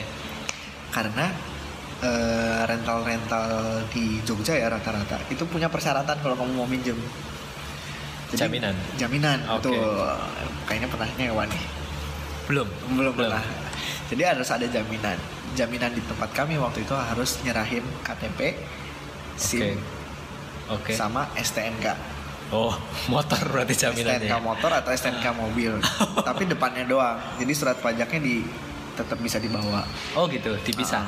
Ah. Oke. gitu atau surat pajaknya doang karena kan surat pajak juga bukti bukti Kepemilikan. kan bukti kepemilikan gitu dan kalau misalnya oh mas takut ditilang apa gimana kami bisa ngasih surat jalan Oke. ataupun sebenarnya trik dalam eh, negosiasi apa namanya jaminan Oke. itu bukan di wah aku kan mau jalan nih nggak bisa gini lah nyewa nyewa apa mau nyewa gini aja masa saya harus ninggal semuanya Oke. nah sebenarnya triknya bukan di situ teman-teman kalau misalnya mau ngobrolin tentang masalah peminjaman ya Oke. tapi adalah trust antara si yang mau ngasih pinjam sama yang mau minjemin Nah, Oke, lebih oke. ke situ sih gitu karena Oke. kan otomatis aku juga aku punya kamera 15 juta masa Se- mau sebenarnya sebenarnya kayak ngomong-ngomong tadi, masa aku nanya ini sama masalah trust itu kan dua tadi. Heeh. Sebenarnya itu secara idea memang beda ya, tapi Heeh. pelaksanaannya sama. pelaksanaannya sama Oke oke lanjut lanjut. ya karena ya maksudnya gitu Andi tuh punya Ah, kamera 15 juta ah, pasti mikir-mikir lah mau minjemin ke aku Yes. kecuali aku juga bisa megang Iya. gitu ya apalagi aku orang nggak dikenal gitu Iya. bisa aja aku, aku bawa pergi kan Karena dua ya bro, yang kita khawatirkan ya satu takut hilang, Takut hilang. itu paling ininya. Benar. Kedua takut, Takut rusak, rusak. juga, takut Benar, rusak. benar. Nggak hilang tapi rusak sama aja. sama aja Nah, bener Oke nah lanjut. makanya itu ada namanya sistem jaminan Oke. nah tapi kan orang-orang merasa teroffense duluan kan Disandra. disandra gitu loh kok saya harus ditahan sampai surat pajak segala padahal ini barangnya berapa nah mulailah mereka arogan mulailah harganya berapa sih udah saya Oh. kasih jaminan aja lah mah mah kredit card mah gitu wah Oh. udah kalau dari gitu gituin kami kadang sering bergesekan kayak gitu jadi Oh. aku sama teman-temanku di brief sama bos kami karena eh, layani sebaik-baiknya nggak usah kontok-kontokan kalau misalnya beliau memang tidak mau meminjam ya udah nggak apa-apa gitu Nggak jodohnya ya. nggak jodohnya gitu ya mohon maaf gitu jadi kan kalau misalnya dia nggak ngotot misalnya dia nanya kenapa sih harus jaminannya kayak gitu? Kita bisa cerita. Dari situ kita ada trust antara Iya, satu ada sama yang obrolannya. lain. ada obrolan gitu oh gitu ya mas ya. Oh iya bener juga sih gitu. Misalnya Ah, kayak ah, gitu kan. ah. misalnya saat, katakanlah juga itu itu yang itu tantangan yang pertama. Ya jadinya kadang-kadang kami juga suka bersih tegang sama customer tuh kayak gitu. Padahal tadi aku mikir gini loh bro, kan kamu ngomong satu customer yang manut nih, dia mau liburan pengen gambarnya bagus, oke mas, ini ada nih kamera aku rekomendasi ini terus dia manut itu satu. Heeh. Terus yang mengawali bahasan ini tadi kan kamu bilang customer yang merasa punya duit ya. Heeh. Padahal aku kira kalimat merasa punya duit itu larinya akan ke loh kok aku di kesarannya sama yang ini sih yang itu dong yang agak mahalan Oh, enggak. aku kira larinya akan ke situ Enggak. ternyata ke masalah jaminan ke masalah jaminan, jaminan ini, ini ha. oh nggak nyangka loh aku Iya, jadi yang agak rata-rata eh, bersih tegang itu sih gitu. Oke. Tapi ada juga yang udah dikasih pengertian terus akhirnya oh iya bener juga ya gitu. Ah. Akhirnya misalnya pergi berdua gini, Ah. terus akhirnya kamu yang dipinjemin, Iya identitasmu yang ditinggal. Iya. Nanti kita tetap bisa naik motor gitu loh. Jadi kan Iya. sebenarnya banyak yang bisa dilakukan kan. sebenarnya gitu. win-win solution Wi- win-win gitu bener gitu misalnya kita pergi berdua atau misalnya katakanlah aku kepanitiaan apa bisa jadi aku pakai data Organisasi. siapa gitu Hmm. atau misalnya aku ninggalin jaminan terus nanti pergi sama siapa kan masih banyak yang bisa diomongin Masih bisa pergi. jadi nggak usah nggak usah naik duluan gitu nah Iya, iya. kebanyakan customer yang merasa teroffense sama sistem jaminan itu jadi kayak gitu jadi Oh, iya. ngambek duluan gitu Oh, iya. padahal kami pelan-pelan ngomonginnya gitu ya Oh, iya. jadi tricky sih memang iya tapi seru situ belajar oh iya ya jadi ini wong iku disuruh masih jaminan niku kalau orang yang punya duit cenderung jadi emosi ya. Iya cenderung jadi emosi. Di tempatku masih mending kayak gitu. Ada di tempat persewaan lain eh, aku pernah ngalamin juga. Padahal alah cuma minjem lensa harganya satu setengah juta doang. Satu setengah juta itu berapa lama? Eh, maksudnya oh harga lensanya? harga lensanya Oke, sekarang oke. kalau beli sekitaran satu setengah sampai 2 juta lah. Oke sewanya cuma 50.000 ribu oke. per 24 jam. Oke. Itu sampai ninggal semua juga. Oke. Terus motor kita difoto juga.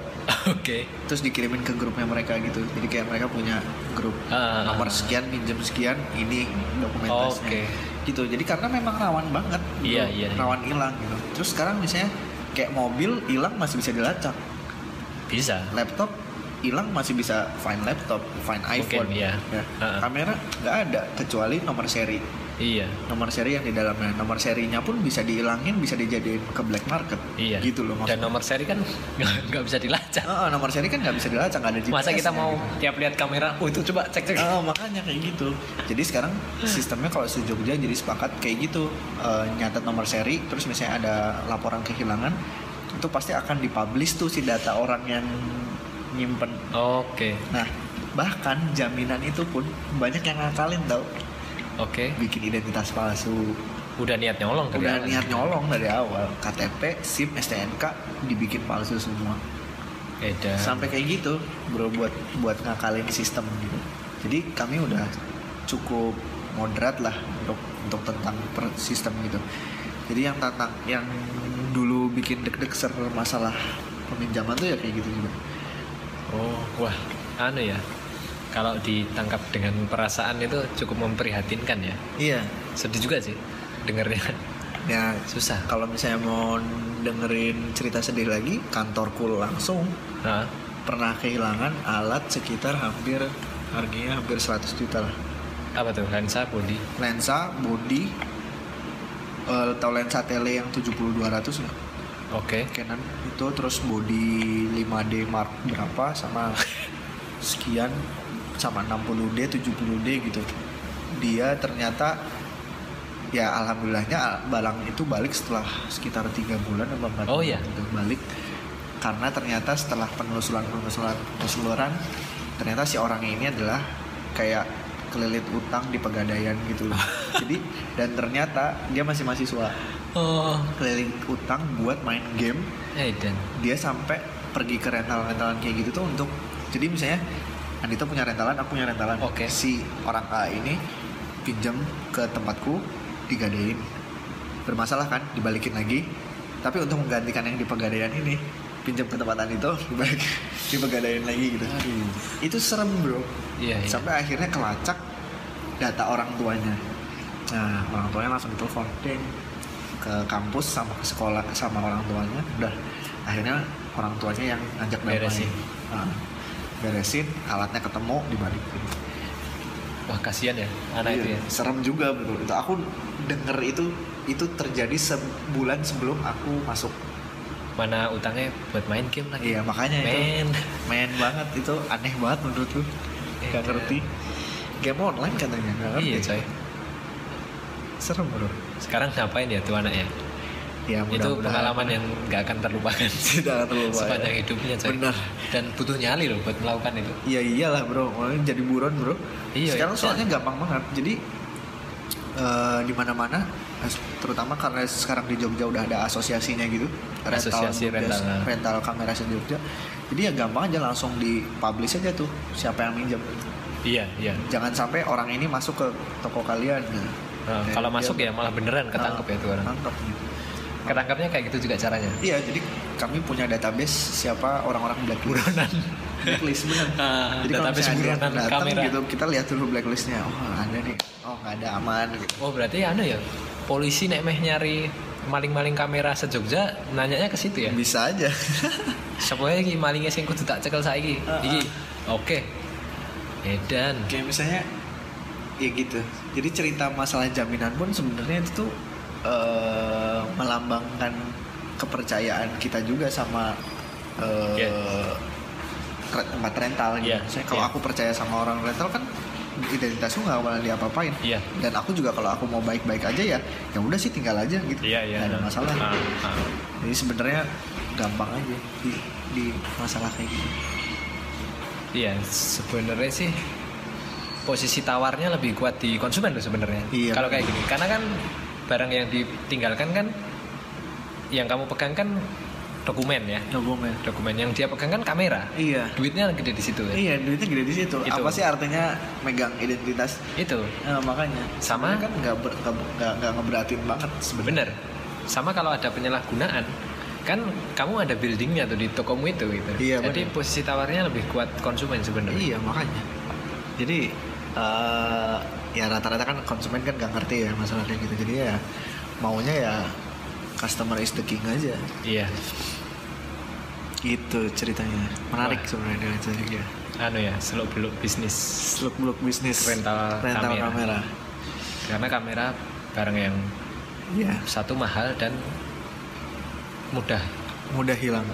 mudah rusak Mudah juga. rusak, Nah, mudah hilang, benar. sangat berisiko untuk rusak bagaimana kamu menghadapi permasalahan takut rusak ini? Kalau takut rusak preventifnya gimana? preventifnya satu eh, setiap baru buka toko nah, itu kami ada stok opnam. Perawatan? Uh, perawatan maintenance. Oh maintenance beda lagi. Stok opnam tuh data yang ready mana aja yang lagi maintenance mana aja kayak gitu ya. Hmm. terus sama kita punya uh, SOP ngecek alat. Oke. Jadi misalnya Dito datang terus misalnya Mas aku mau pinjem body lensa memory card tripod misalnya oke jadi dari empat alat ini kami nyatet detailnya nah, nomor serinya, eh, kondisinya, misalnya kalau Oke. ada catat dari kami, Ah, misalnya ah. ada scratch di ini, gitu, misalnya Ah. ada scratch di sini, ada potek di sini, misalnya kayak gitu, Eh, itu udah dicatat Oke. di lembar kontrol. oke Jadi sebelum keluar kami ngejelasin kondisi alat ke customer, Hmm. Terus customer juga harus melihat dan eh, sama-sama paham, di, udah ditandain di kertasnya, oke alat balik ngecek Cek lagi. semuanya.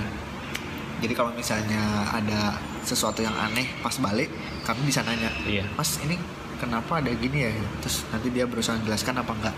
Biasanya ada customer yang tricky juga gitu. ada yang, Mas, aduh maaf Mas, saya tuh kemarin kayaknya buru-buru Ah. masukin ke tas karena hujan. LCD-nya pecah. LCD flip. oh Uh, Fuji film itu kan ada yang flip gitu kan. Ah. Nah, pas balikinnya mungkin gimana nggak ngerti dia cepet-cepet terus Tugel. tugel dan pecah gitu. oh Akhirnya, waduh mbak, eh, kalau gini kami perlu mempertanyakan dulu dan kami juga nggak ngejudge langsung. Kita tanyain dulu mekanismenya kayak gimana. eh, terus eh, apa maksudnya mekanisme sampai rusak tuh kayak gimana terus Oke. akhirnya kami rata-rata sih nanya dulu kira-kira kayak gini eh bakalan diprosesnya kayak gimana. Misalnya contohnya waktu itu yang LCD aja ya. Ah, Eh, dia langsung ngaku. Kan enak tuh ngaku. Iya. Eh, terus akhirnya mbak gini aja identitasnya dibawa dulu tapi beberapa ditinggal di kami. Terus eh, saya minta nomor HP yang selalu aktif. Hmm. nah, jadi identitasnya sebagian ditahan. Ah, terutama yang berharga berharga SIM sama surat surat apa? STNK oke. Terus akhirnya kami telepon teknisi misalnya kayak itu mereknya Fujifilm terus ditanyain ke Fujifilm kira-kira rusaknya berapa. Hmm. misalnya terus harganya berapa? Sejuta misalnya gitu. Hmm. terus baru kami bilang mbak ini karena kami nggak bisa ngapa-ngapain lagi ya ini harus diganti rugi gitu. Terus kalau customer yang kooperatif ya langsung ganti iya. Yang baru dibalikin. Tapi ada juga yang oh, enggak mas saya nggak ngapa-ngapain. Ada juga yang tricky kayak gitu. Wah. Kadang kadang-kadang juga nemu yang kayak gitu. Padahal jelas alat sebelumnya ini bentukannya kayak gini dan kami kan yang dan kami yang ngeluarin harus apal. Iya. jadi yang tanggung jawab juga yang di ngeluarin. Iya. misalnya kan operatornya tuh misalnya ada lima orang gitu. Ah. itu aku siapa siapa gitu. Kami ngejelasin ke tiap orang ke customer yang beda-beda gitu. Ah, Nah, jadi tanggung jawab orang aku juga. Jadi Hmm. ketika aku ngeluarin alat itu aku harus tanda tangan Adit. Jadi aku kan apal tuh alatnya Iya. kayak gimana. Jadi enggak mas, ini kemarin tuh masih bersih, nggak ada rusaknya. Nah, kalau rusaknya parah, ya kita minta ganti rugi. Kalau misalnya rusaknya nggak parah masih bisa ditolerir, oh ya udah. gitu Weh, dan tricky juga bro sebenarnya dan itu pressure ya kalau pressure yang, juga kalau yang nggak kooperatif tekanan loh ya tekanan biasanya terus kalau misalnya udah nggak bisa dikendalikan sama orang itu terus dilempar ke yang Manager. senior dulu Ah. biasanya Ah. dilempar ke aku dulu nanti kalau udah permasalahannya panjang ah, bosku turun tangan saya gitu iya karena kadang aku juga belajar itu customer kalau rewel itu kadang solusinya salah satunya ya kita ketemuin ke atas yang Ke lebih atas kita Iya, itu membuat dia lebih merasa dikasih Masa tempat gitu ya. dikasih tempat buat ngobrol dan itu bisa meredam emosinya dia gitu ya. benar kayak gitu ya aku wah ngeri sih bro soalnya aku kan dulu kan neng advertising kan ah, ah. kan aku graphic design gam, gambar contohnya spanduk ngono Hmm. bareng karo konsumenku neng ngarep ngono Ah. satu monitor gitu kan Ah. ini ini ini wes oke ACC ngono kan Ah, ah. nah sering kali kan warna di layar ki gambar Beda print kan meleset sidik Iya. padahal Iku wae, wah duh ngeri protesnya coy protesnya Ngono. iya. Piye mas? Padahal ini neng monitor warnanya kayak gini. Ah, ya piye meneh sing printernya tintanya agak meleset dikit gitu agak akurat sesuai warna monitor itu aja. Ngeri protesnya harus di om bawa ke yang manajer kita gitu. Itu cuman perihal ibaratnya sedikit banget. art karton lah A3 doang poster ngono Ah. Iku gue value-nya yang semurah itu ya. Semurah itu, Iku ya. geger apalagi ya kamera Apalagi jutaan. Iya benar. Kadang juga kami kalau misalnya customer udah ngeyel banget dan gak mau ngaku ada rusak ya, eh, akhirnya kadang-kadang ya kami yang ngalah. Ya Aduh. gimana? Tapi Ngeri, ngeri. tapi belum pernah sih ngalah sampai kalau udah rusak parah. Heeh. Ya misalnya rusaknya minor lah. Tapi udahlah daripada ribut, mau. Ya gitu. Kadang-kadang terus orang-orang yang rewel itu juga nggak balik gitu ya. Ya udah. Ya alhamdulillahnya sih tempat kami katanya pelayannya baik. Jadi ya banyak repeat order. Oke, Customernya terus balik-balik terus gitu. Karena alatnya oke, kualitas pelayanan yang utama kan gitu karena banyak juga kan orang-orang yang mesen kayak apa yang minjem kualitas alatnya nggak terjaga terus yang lain ngeladeninnya juga nggak ramah gitu ya itu kan jadi malas juga kan gitu jadi waktu itu sih kami SOP-nya gitu keramahan alat dan kepercayaan. Dan anu ya bro, mungkin kamu juga mengalami karena kan kita sama gitu melayani pelanggan dan pernah dikomplain ngono ya. iya Nah, untuk aku sih itu membentukku di kemudian harinya menjadi lebih menghargai banget iya semua orang yang sedang bekerja melayaniku. Bener betul Bener, itu bener. banget Belajar banget sih kita. Bener, bener, Karena bener kita tahu kerasanya di jadi dia gitu. Sa- susahnya jadi yang melayani itu ya, ya susah bener bro Misal kita makan terus dianterin minumannya salah atau harusnya pakai es tapi nggak pakai es gitu kan. Pengalaman itu merubah kita dalam cara Bagaimana kita cara komplain. kita komplain benar iya bener banget dan ketika kejadian itu terjadi kepada kita sebagai konsumen tersentuh sih Nah. hatiku sih jadi flashback ah, ah, flashback ya Dan- kalau aku posisinya di situ gimana ya Oh, oh. dan aku wah aku ngerasa nih perasaanmu Ah. gimana sekarang gitu ini cerita di tempat kerja nih jangan-jangan iya ah, Iya. yang tadi aku graphic design tadi ya itu kan pengalamanku ngono ngono wah itu sih iya jadi ketika si Mera- pelayan- merasakan empati sih bro ya empati ya. dan Menarik. memang ya itu ya pengalaman kita membentuk kita secara psikologis ini? Sepakat. Eh, apa ya? Menurutku ya orang juga ada tempat salah gitu. Tapi kan eh, bagaimana memanusiakan manusia lah ya. Oh, oh. Nah, maksudnya pun kita punya hak tapi ya tidak eh, out of boundary of dari hak kita gitu kan. Yes. Hmm, ada kan ya ada yang namanya dialog ya? Iya benar. Itu adalah inti dan semuanya. Benar benar. Kamu mau A aku mau B ya jangan bertengkar ya. Ah, ah, benar. diomongin. Dengan ngomong kita tahu oh berarti kamu yang harus memperbaiki atau Ah. aku yang salah. Ah, ah. dan aneh ya dari curhat biologi itu waduh. si biologi ini si satu, satu setengah jam untuk fotografi. fotografi. Biologi ini cukup membentukmu secara psikologis banget ya. hmm ya Banyak pengalamanmu di sana yang membentuk kamu ya. iya iya eh, karena Andita sudah mendengar curhatin biologi kan jadi tahu Iya. ya apa ya maksudku eh waktu dulu biologi itu buatku sangat-sangat out of nowhere dan unexpected karena ini nggak diceritain di biologi nih dulu eh di curhat biologi ini nggak diceritain nih Hmm. jadi Siapa nama temanmu? Sanka Sanka. Halo Sanka. halo Sanka Eh, besok kita mau collab nih curhat biologi Maksudnya? aku sama Sanka mau collab nanti Lagi. tunggu tanggal main Oh lagi Ya. part 2 berarti ya? part 2 tapi bukan aku bukan aku yang jadi Oh, uh, kamu berdua. guestnya Kamu berdua sebagai aku host. mau bantuin Sanka nanti Oh, keren keren keren. Ditunggu, ditunggu. ditunggu ya nanti ya terus Berarti bukan part 2 ya? bukan part 2 terus udah gitu oh tadi aku mau cerita ini nggak ada di curhat biologi sebenarnya eh, bahkan kuliah pun itu nggak ada di kamusku dulu Oh, jadi dulu tuh aku sampai kelas 2 SMA bahkan hampir sampai kelas 3 SMA tuh nggak ada kepikiran sama sekali mau kuliah oh, karena dari dulu aku pengen banget masuk akmil oh. betul karena dulu Wah ini benar-benar nggak ada nih. nggak ada curhat Nah, biologi ceritanya dulu eh, kakekku kan tentara jadi keluargaku aku dan aku besar di lingkungan tentara dulu Oke. nah terus sudah gitu ya pengen aja melanjutkan gitu karena keluarga nggak ada omku adik-adiknya ibuku nggak ada yang ngelanjutin dari tentara gitu Oke. terus akhirnya pengen banget nih jadi masuk akmil dulu makanya sampai kelas 2 itu ya aku ikut paskibra ikut eh, olahraga itu tujuannya ke sana gitu. Hmm.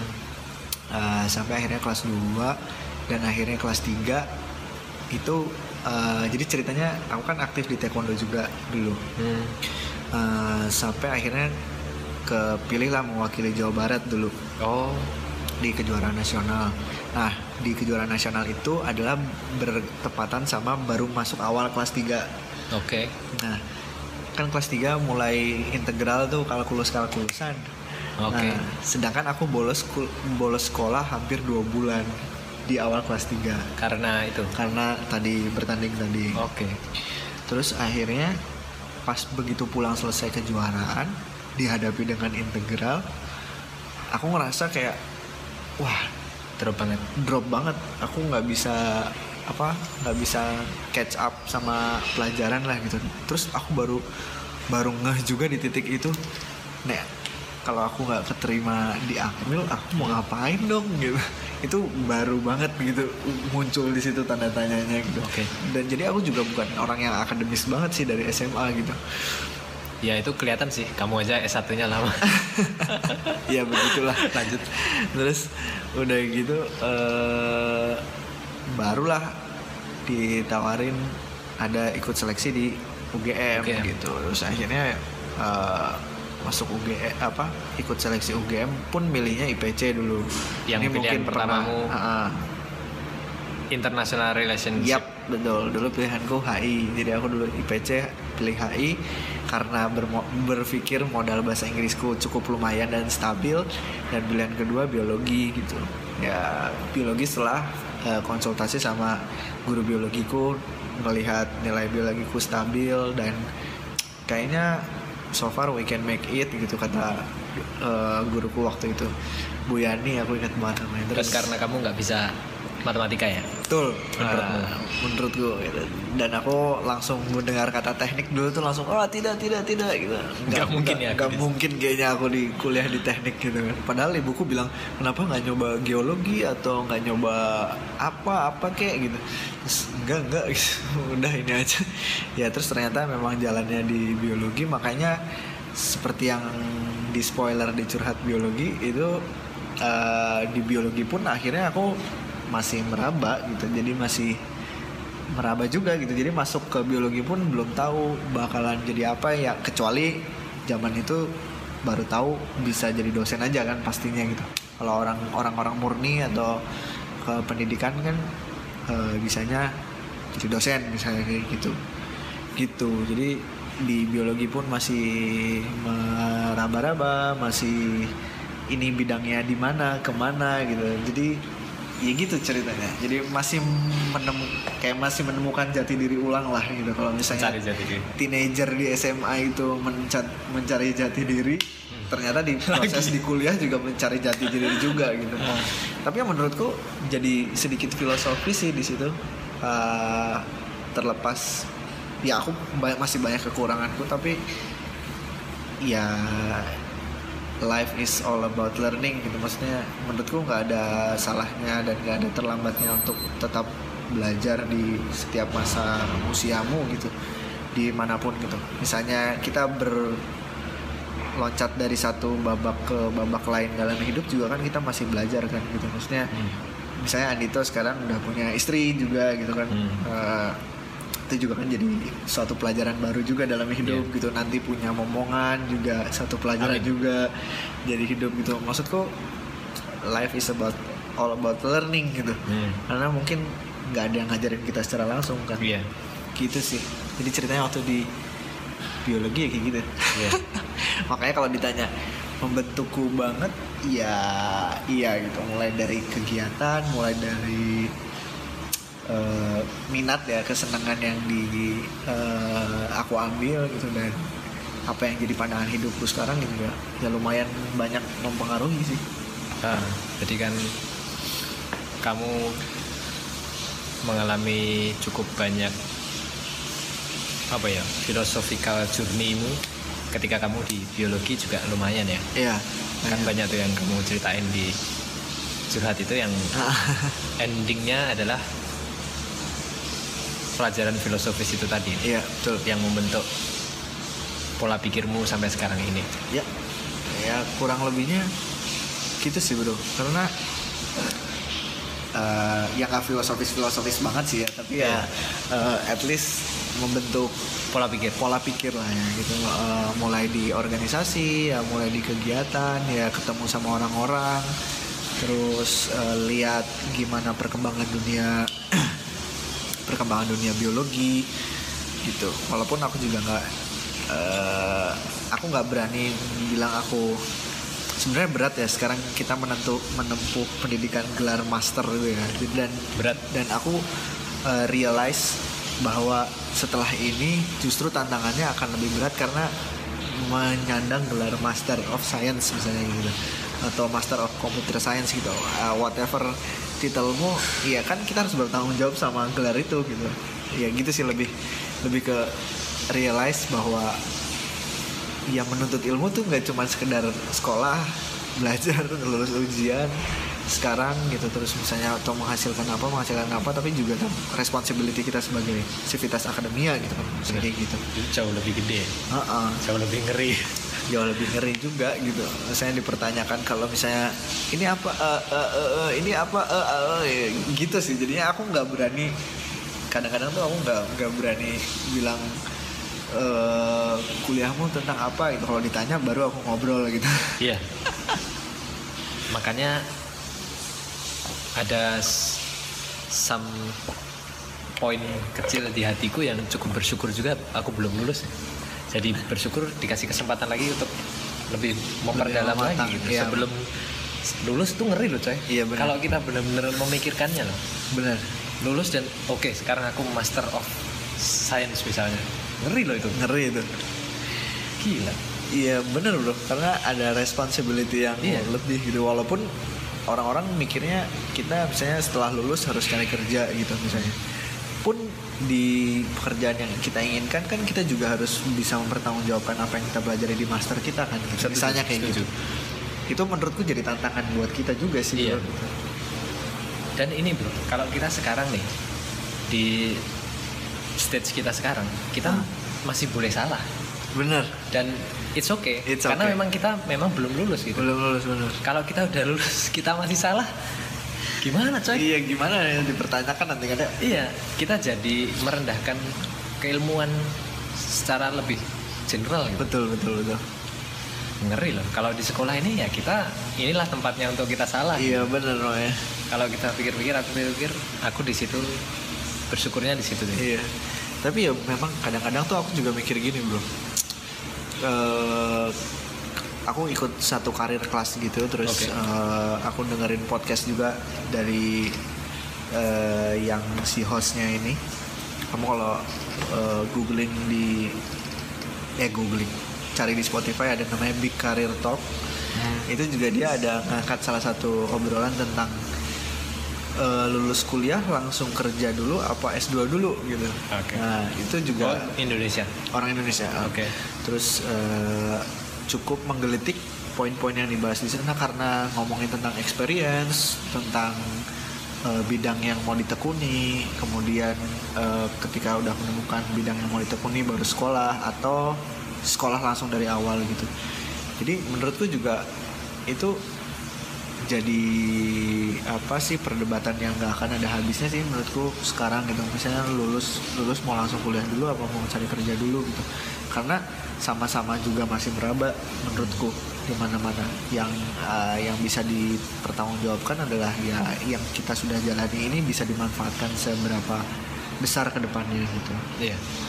Ya gitu sih. Walaupun tantangan tantangan kita di misalnya kita katakanlah sekarang di akademisi ya kita Iya. masih di sekolah gitu. Ya jangan sampai sekolah ini kita juga jadi zona nyaman sih. Benar Ya, setuju aku setuju. aku juga jadi ngerasain kayaknya karena aku jujur aja bro aku belum ada pengalaman profesional bidang biologi.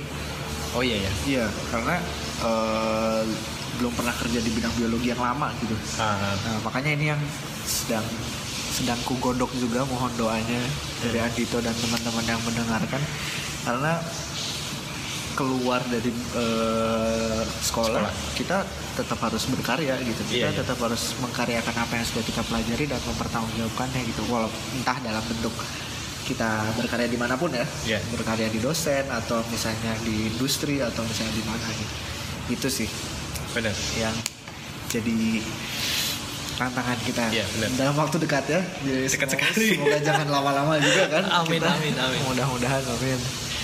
Gitu bro. dan yang paling aku setuju sih jangan sampai menjadi zona nyaman itu ya Benar. dan juga pun walaupun aku bilang tadi ngeri tanggung jawab dan sebagainya tapi kita nggak akan pernah hit perfection gitu ya Iya. jadi akan Benar. selalu kita justru kita makin belajar makin kita tahu apa yang kita nggak tahu gitu kan jadi kan nggak akan pernah selesai nih. Akan pernah selesai benar. jadi ya yang paling berhak untuk menentukan kita pantas untuk diluluskan ya profesor kita ya Benar. gitu. jadi ya Mudah- Mudah-mudahan hilalnya Ah. segera terlihat ya. Amin. Jadi ya, Parameternya. itu aja nih. Jangan Iya, dari kita terus merasa kurang-kurang terus nanti jadi kita sendiri yang ngelama-ngelamain di sini. Ah, ah.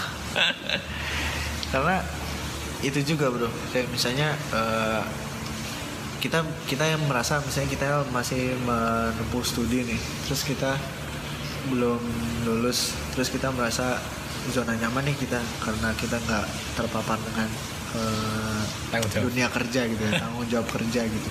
Tapi juga orang-orang di dunia kerja juga bisa jadi kok mereka juga masih di zona nyaman mereka gitu iya. eh, maksudnya so-so lah 50-50 lah gitu menurutku tidak perlu dipertentangkan banget masalah dia udah kerja dengan juta experience tak belum tentu juga dia bisa excellence di akademik gitu Benar. oh begitu juga ya orang-orang akademik harus segera merasakan dunia kerja gitu Benar, kan benar. gitu sih maksudku jadi so-so lah menurutku Iya. eh ya nggak tahu sih itu pandangku sih tapi bagus juga ketika kamu shape misalnya kamu lulus kuliah terus kamu kerja dulu terus tahu bidang mana yang mau didalami setelah eh, punya bidang di pekerjaan terus baru ngambil S2 juga ya nggak masalah juga kayak gitu Iya ya, Bro. Jadinya tergantung kamu mau ke mana ya. Betul. Contohnya kalau misal teman kita yang sudah selesai PhD gitu, Hmm, kan dia akademis terus tuh sampai S3. Betul. Lalu setelah habis PhD, dia berlanjut dengan membuat lembaga riset gitu. Jadi kan tetap akademis lagi tuh tetap ya. akademis lagi Jadi kalau kita tadi kan bilang jangan lama-lama di sekolah gitu karena mungkin kita pengen kerja gitu ya. Hmm. Untuk orang yang memang tujuannya membuat jurnal misalnya ya Ah. inilah tempatnya gitu ya. Betul. Nah, jadi tergantung kita mau ke mana. tergantung kita mau ke mana gitu jadi ya eh, so far sih aku lihat nggak perlu dipertentangkan Iya. sih jadi kayak pilihan pilihan gitu ya misalnya mau lanjut terus sampai S3 karena ada yang membiayai ya syukur bagus kamu bisa perform di sana Nah. lulus jadi S3 kamu pegang expertise iya. kamu bisa kembali ke kampus kamu bisa kembali ke industri iya. bisa bikin startup sendiri misalnya kayak gitu Iya. kan. Ya menurutku sih gitu. Ya karena kita lagi di akademisi kan jadi ya gitu ya harapannya kita lancar segera. Iya. mungkin kamu selamat malam pak.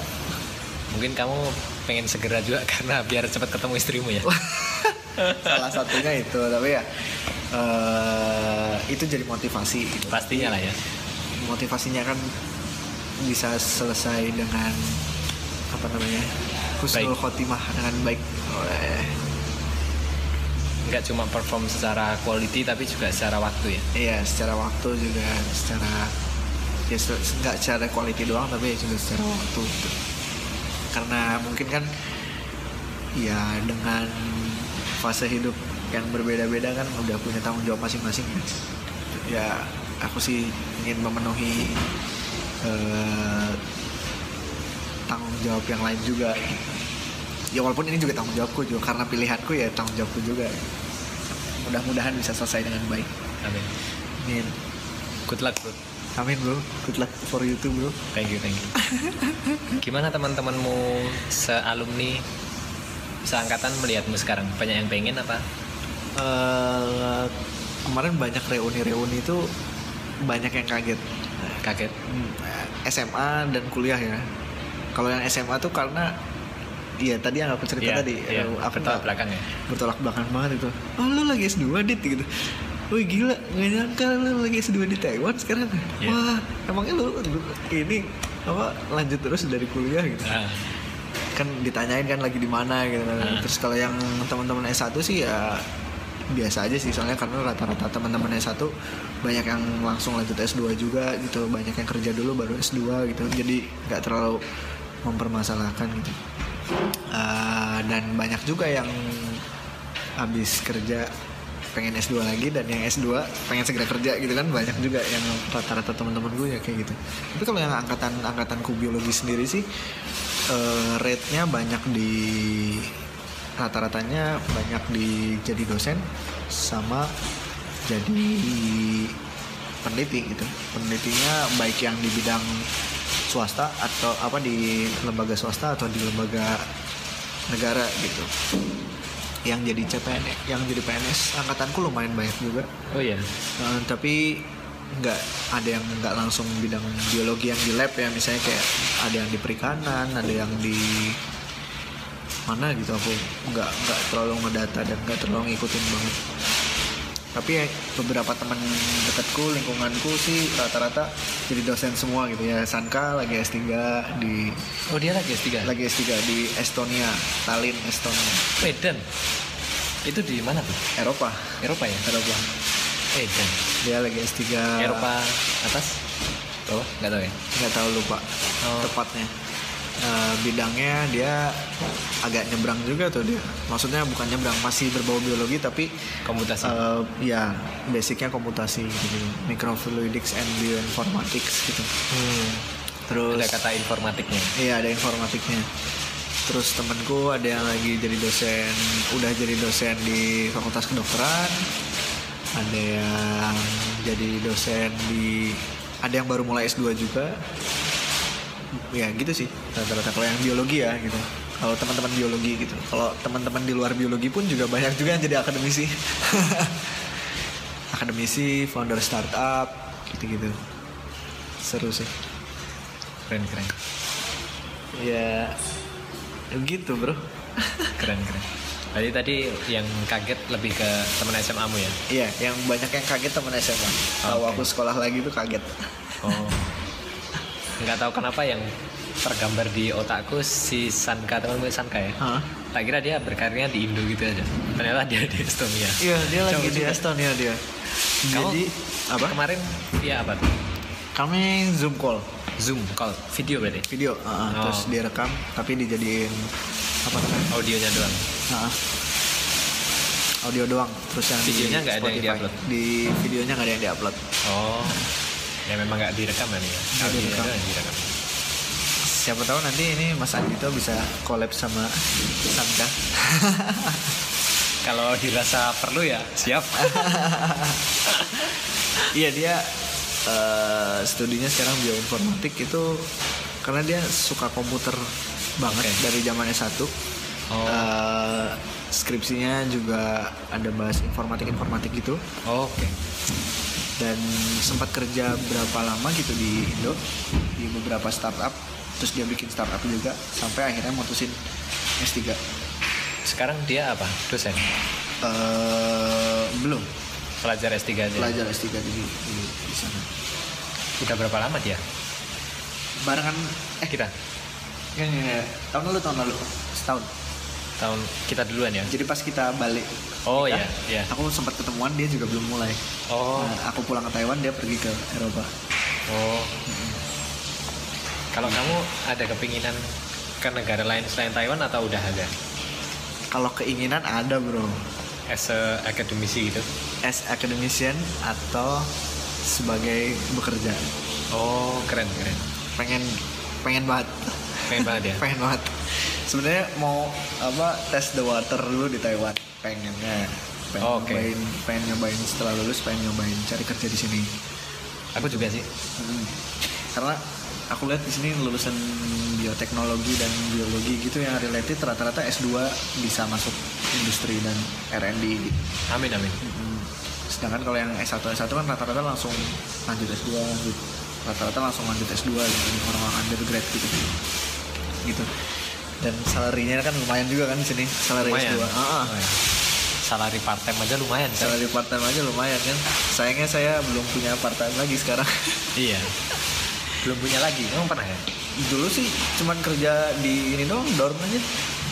Oh Tapi iya. kan nggak iya, iya, iya. tapi kan nggak dibayar dulu jadi dorm leader kan cuman dikasih diskon dorm doang Oh lumayan lumayan. ya lumayan satu per tiga dari dari harga dorm Satu per tiga? satu per tiga Oh, lumayan loh, dormnya dua belas ribu ya jadi delapan ribu dulu aku dua semester Oh lumayan lumayan. tahun lumayan, ya. lumayan. terus cuman yang dapat duit itu malah dari eh, ngukur temperatur inget nggak dulu pas awal Oh covid oh kamu pernah? oh kamu udah udah ngekos ya Udah udah. udah ngekos ya. Oh. Aku jadi ngukur temperatur di, di BM dulu. Oh gini gini. Oh Ah. asik juga tuh. Itu bulan Maret, April, Mei.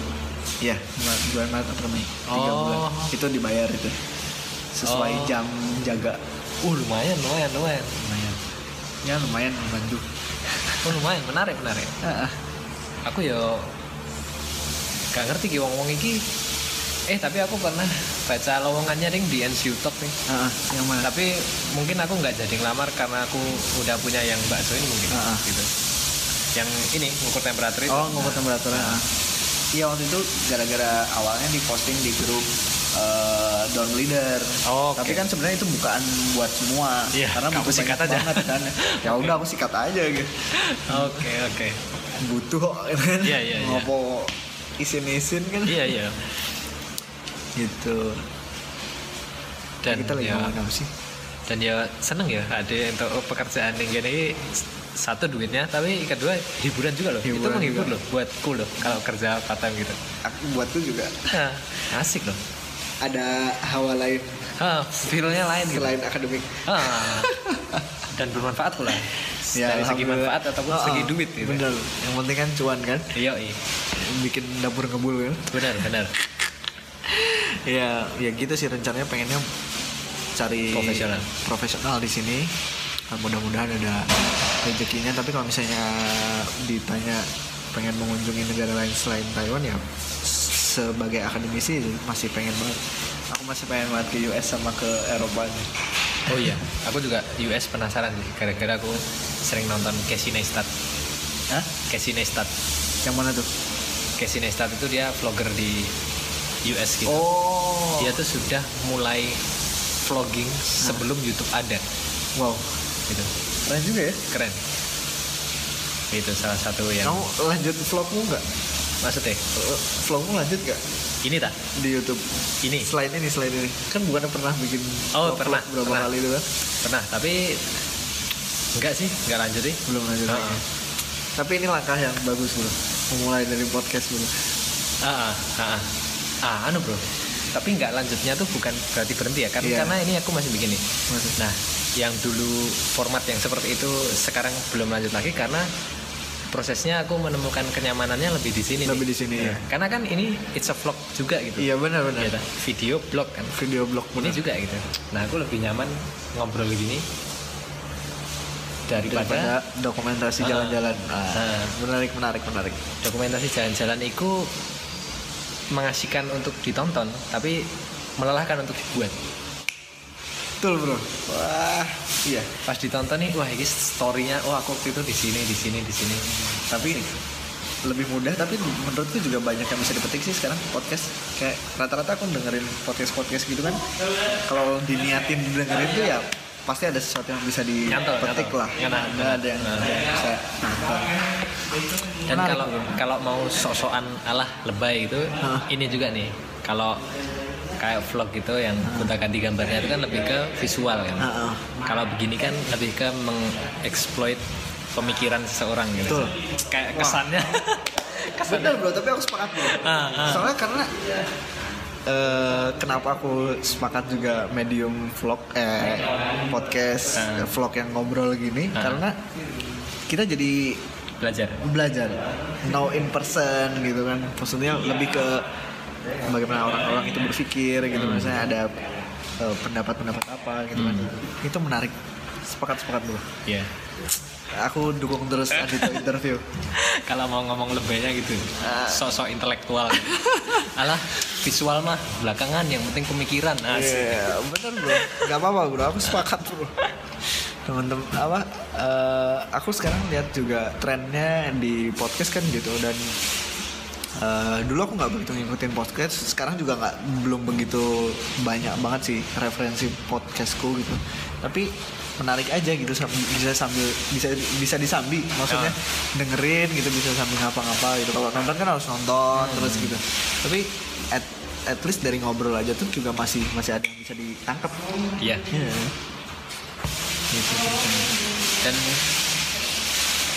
mungkin kita mungkin kita mager juga ya. Kalau misal kita nontonnya video yang singkat-singkat kan alah baru bentar habis baru bentar habis. Kalau gini kan aktivitas kita duluan yang selesai dibandingkan videonya. Iya benar. Dibandingkan audio yang kita denger gitu. Iya benar benar benar. Misal kita sambil belajar atau kita sambil makan sambil ngapain bersih bersih Ah, gitu. ah, kegiatannya udah selesai ininya masih belum selesai masih gitu. belum selesai. Jadi nggak usah ribet-ribet ganti-ganti channel. Iya.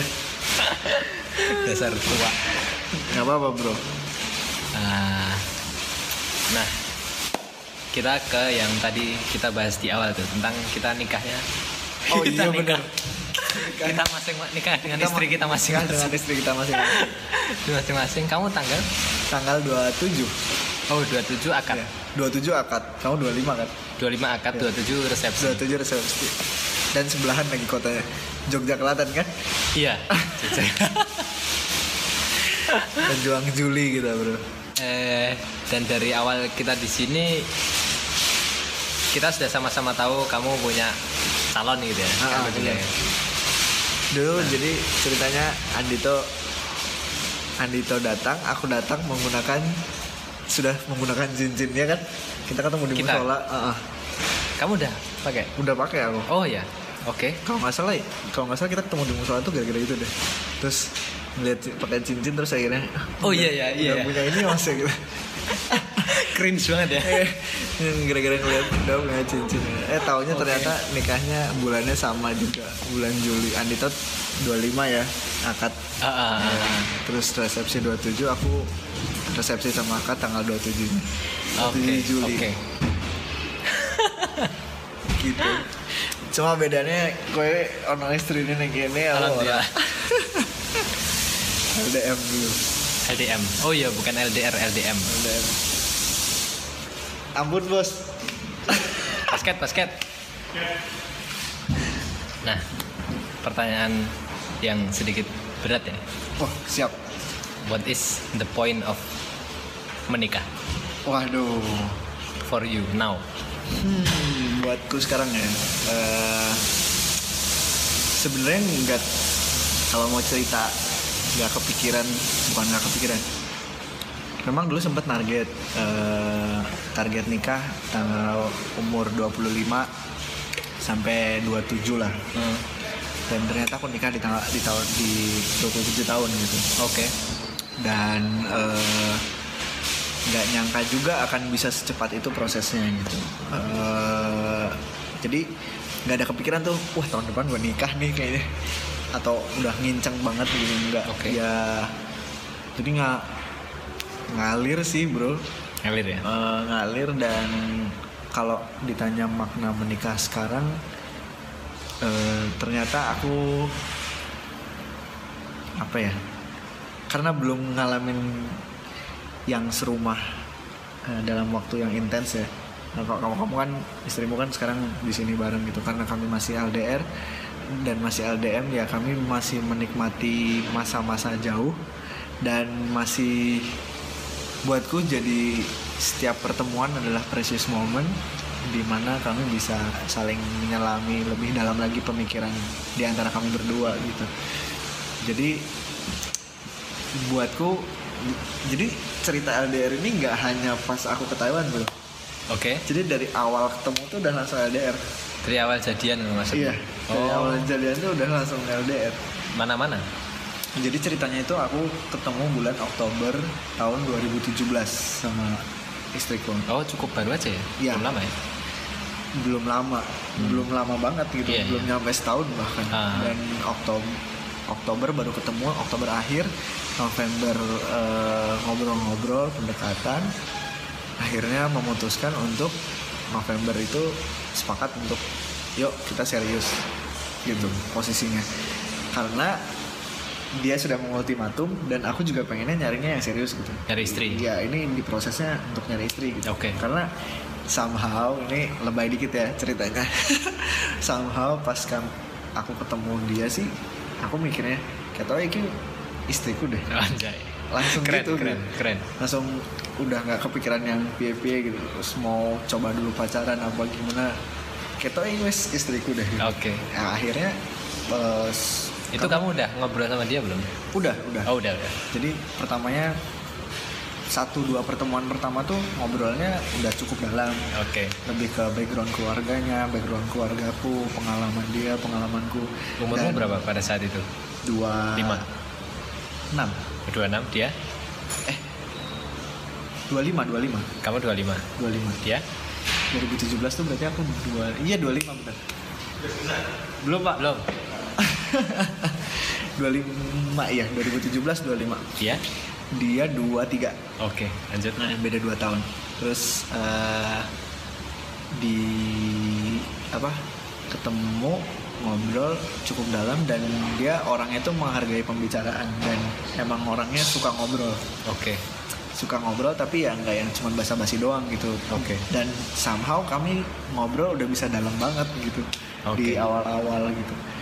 Awalnya kan aku ken- dikenalin temanku gitu, terus aku titip salam, terus akhirnya kami bisa ketemu, terus Oke. akhirnya pas ngobrol kok malah jadi dalam banget gitu. Oke. Tapi emang niatku ketemu adalah untuk tahu kondisinya kayak gimana. Emang mau ngedeketin Untuk gitu. proses. Untuk proses. gitu. Mencari calon istri. Ah, ah. Terus udah ceritanya eh, akhirnya dia ultimatum aku eh, nggak mau main-main. Dia bilang.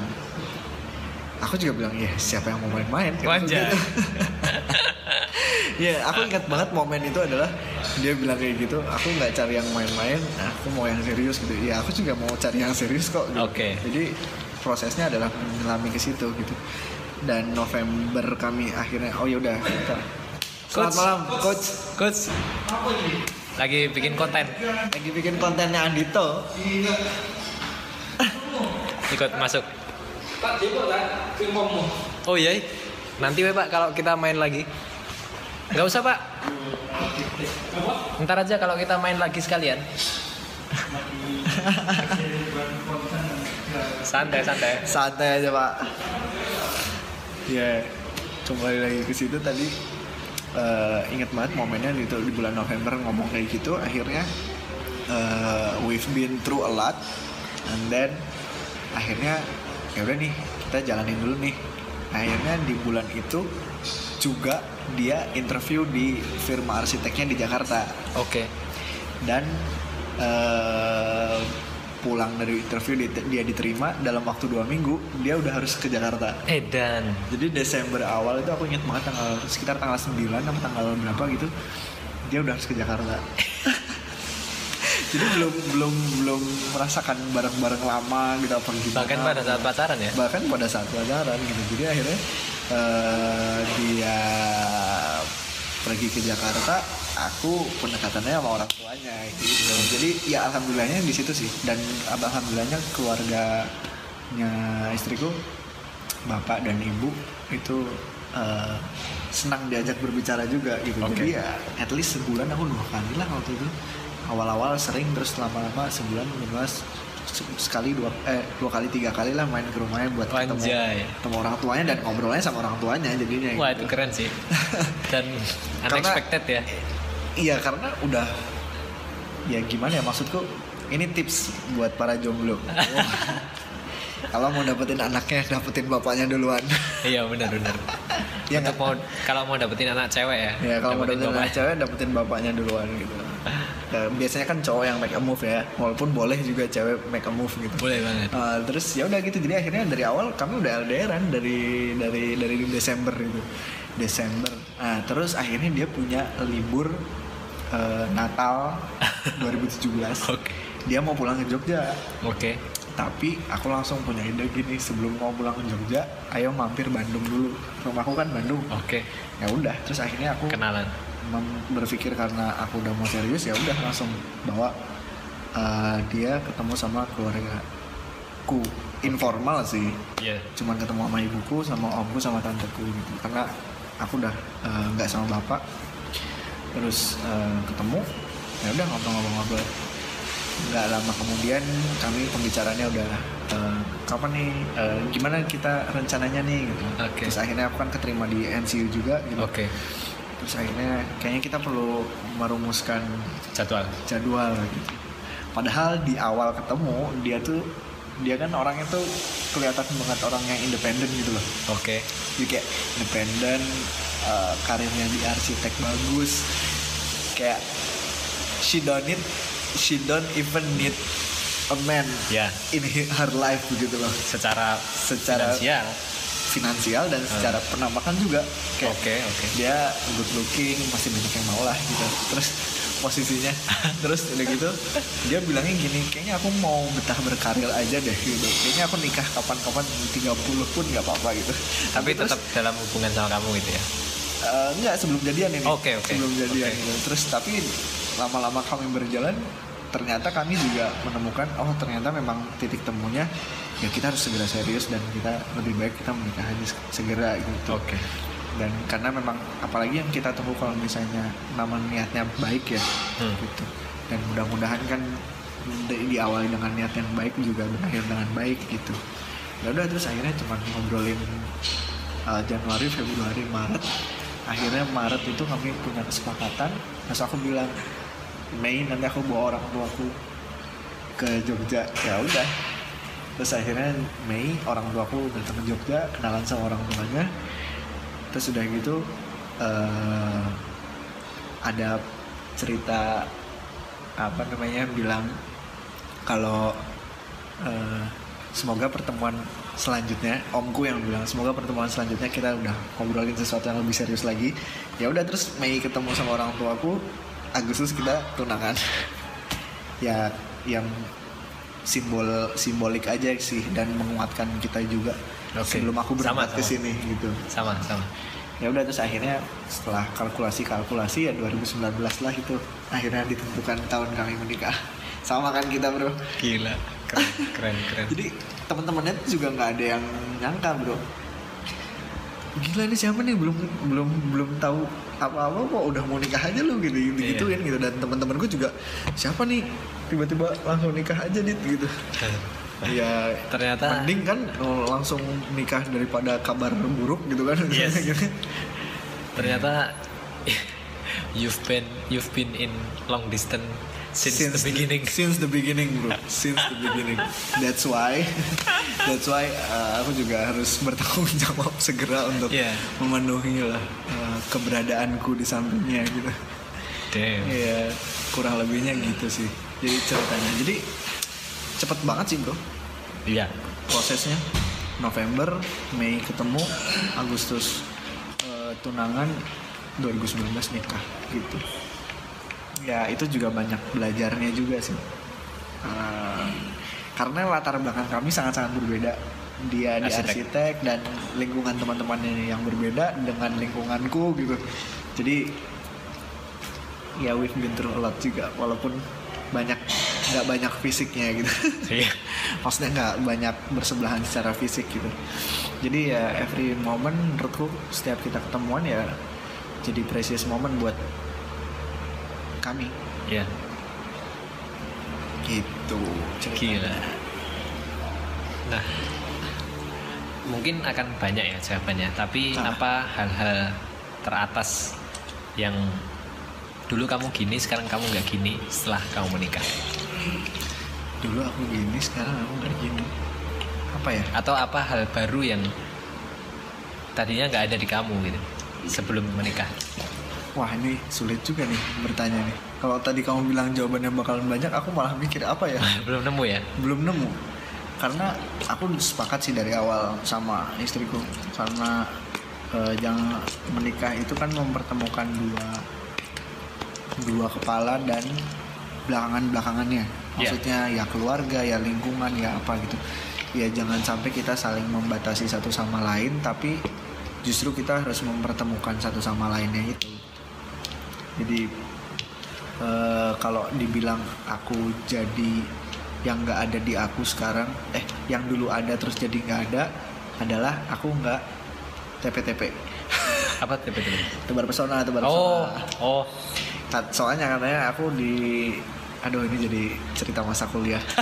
Katanya ya aku di banyak yang bilang Adit playboy lah lalala banyak PTP sama cewek-cewek lah gitu. Padahal what gitu padahal aku tidak Padahal kamu tidak, meniatkan? tidak meniatkan seperti itu gitu oke oke. Nah, terus eh, sekarang enggak alhamdulillah terus eh, kalau Tapi gimana menilainya bro? Karena kan gini, kamu bilang kamu sekarang nggak tebar pesona ya. Hah, Tapi dulu itu kamu sekedar dianggap tebar pesona, ya bukan karena niatmu kan? katanya sih ada korbannya tapi ya juga kan aku gitu Tapi bukan karena niatmu. tapi bukan karena niatku Kamu nggak ada niat tebar pesona. nggak ada niat baru zona dan menurutku dulu cincin itu dulu nolong banget sih menurut buatku sebelum Oh, berangkat ke bera- sini berarti kalimatnya yang benar yang berubah adalah dulu kamu dianggap tebar pesona, sekarang Iya, enggak. sekarang gitu ya. enggak.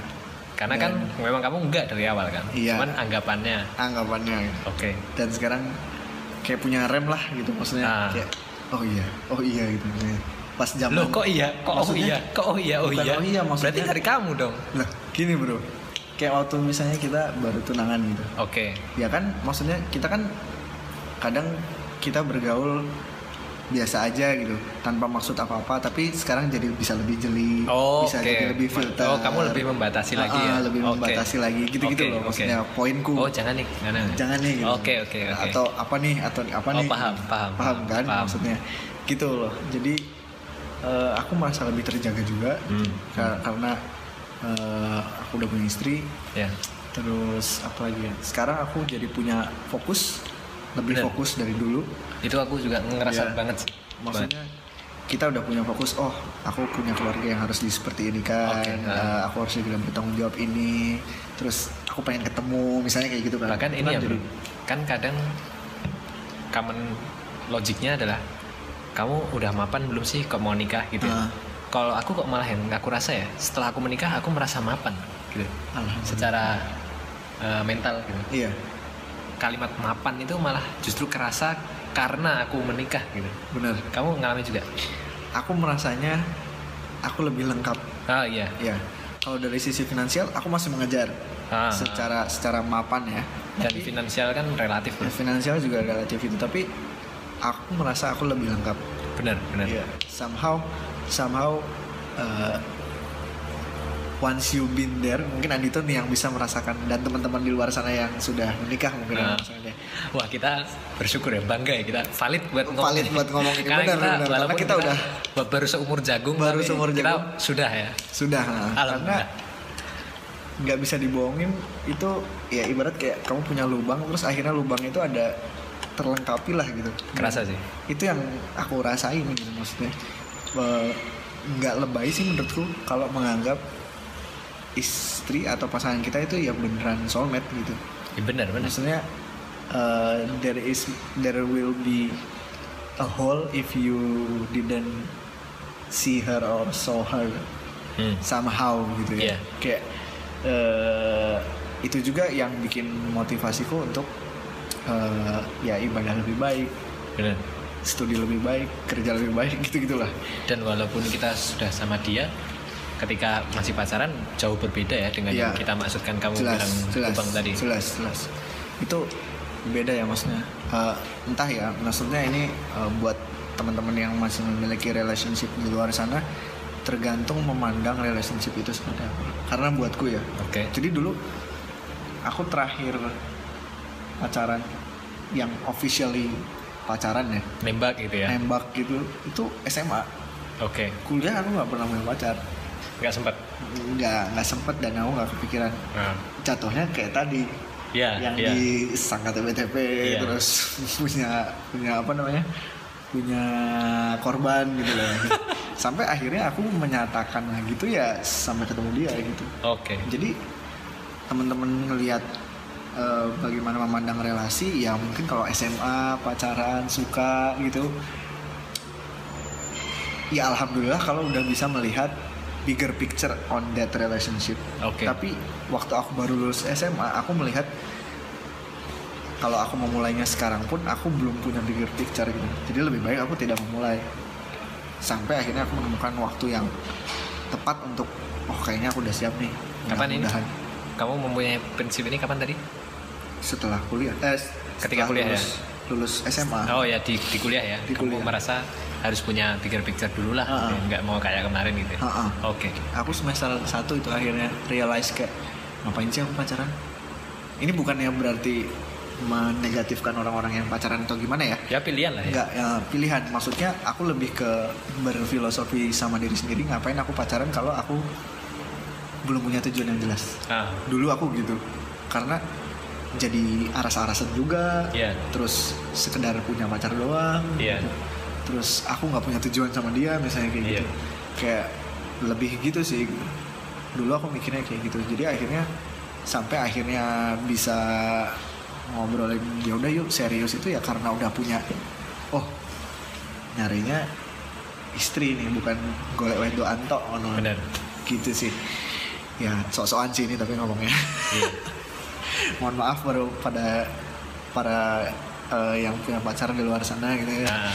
ini pilihan bukan Pilihan. menghakimi bukan Iya. ini cuma share pandangan aja sih kalau nah, aku gitu. nah ini kan kalau Adit dia gitu berdasarkan yang dia yakini berdasarkan yang ingin dia lakukan dia nyamannya seperti itu Ah, kalau ah. memang mereka teman-teman punya Pengen pacaran? iya punya Dan- tujuan dalam pacaran itu ya silahkan dan juga mereka mungkin pacarannya kegiatannya mungkin have fun have fun aja dan Heeh. menurut kalian itu menyenangkan ya silakan it's ya kan? okay kalau misalnya itu positif jadi bikin semangat kuliah jadi apa it's okay gitu. Silahkan, Maksudnya, ya. aku sih nggak ngejudge ya maksudnya Iya. bukan kita kita bukan berpendapat untuk menegasikan apa yang teman-teman Hmm. lakukan gitu. cuman kalau kamu kayak gitu ya buatku dulu aku kayak gitu Ah. ini kan cerita flashback menikah dan eh, dulu perjalanan sebelum menikah gimana nih Iya. gitu toh pun misal sekarang yang pacaran ya kan ya yang melakukan si cowok dan si cewek misalnya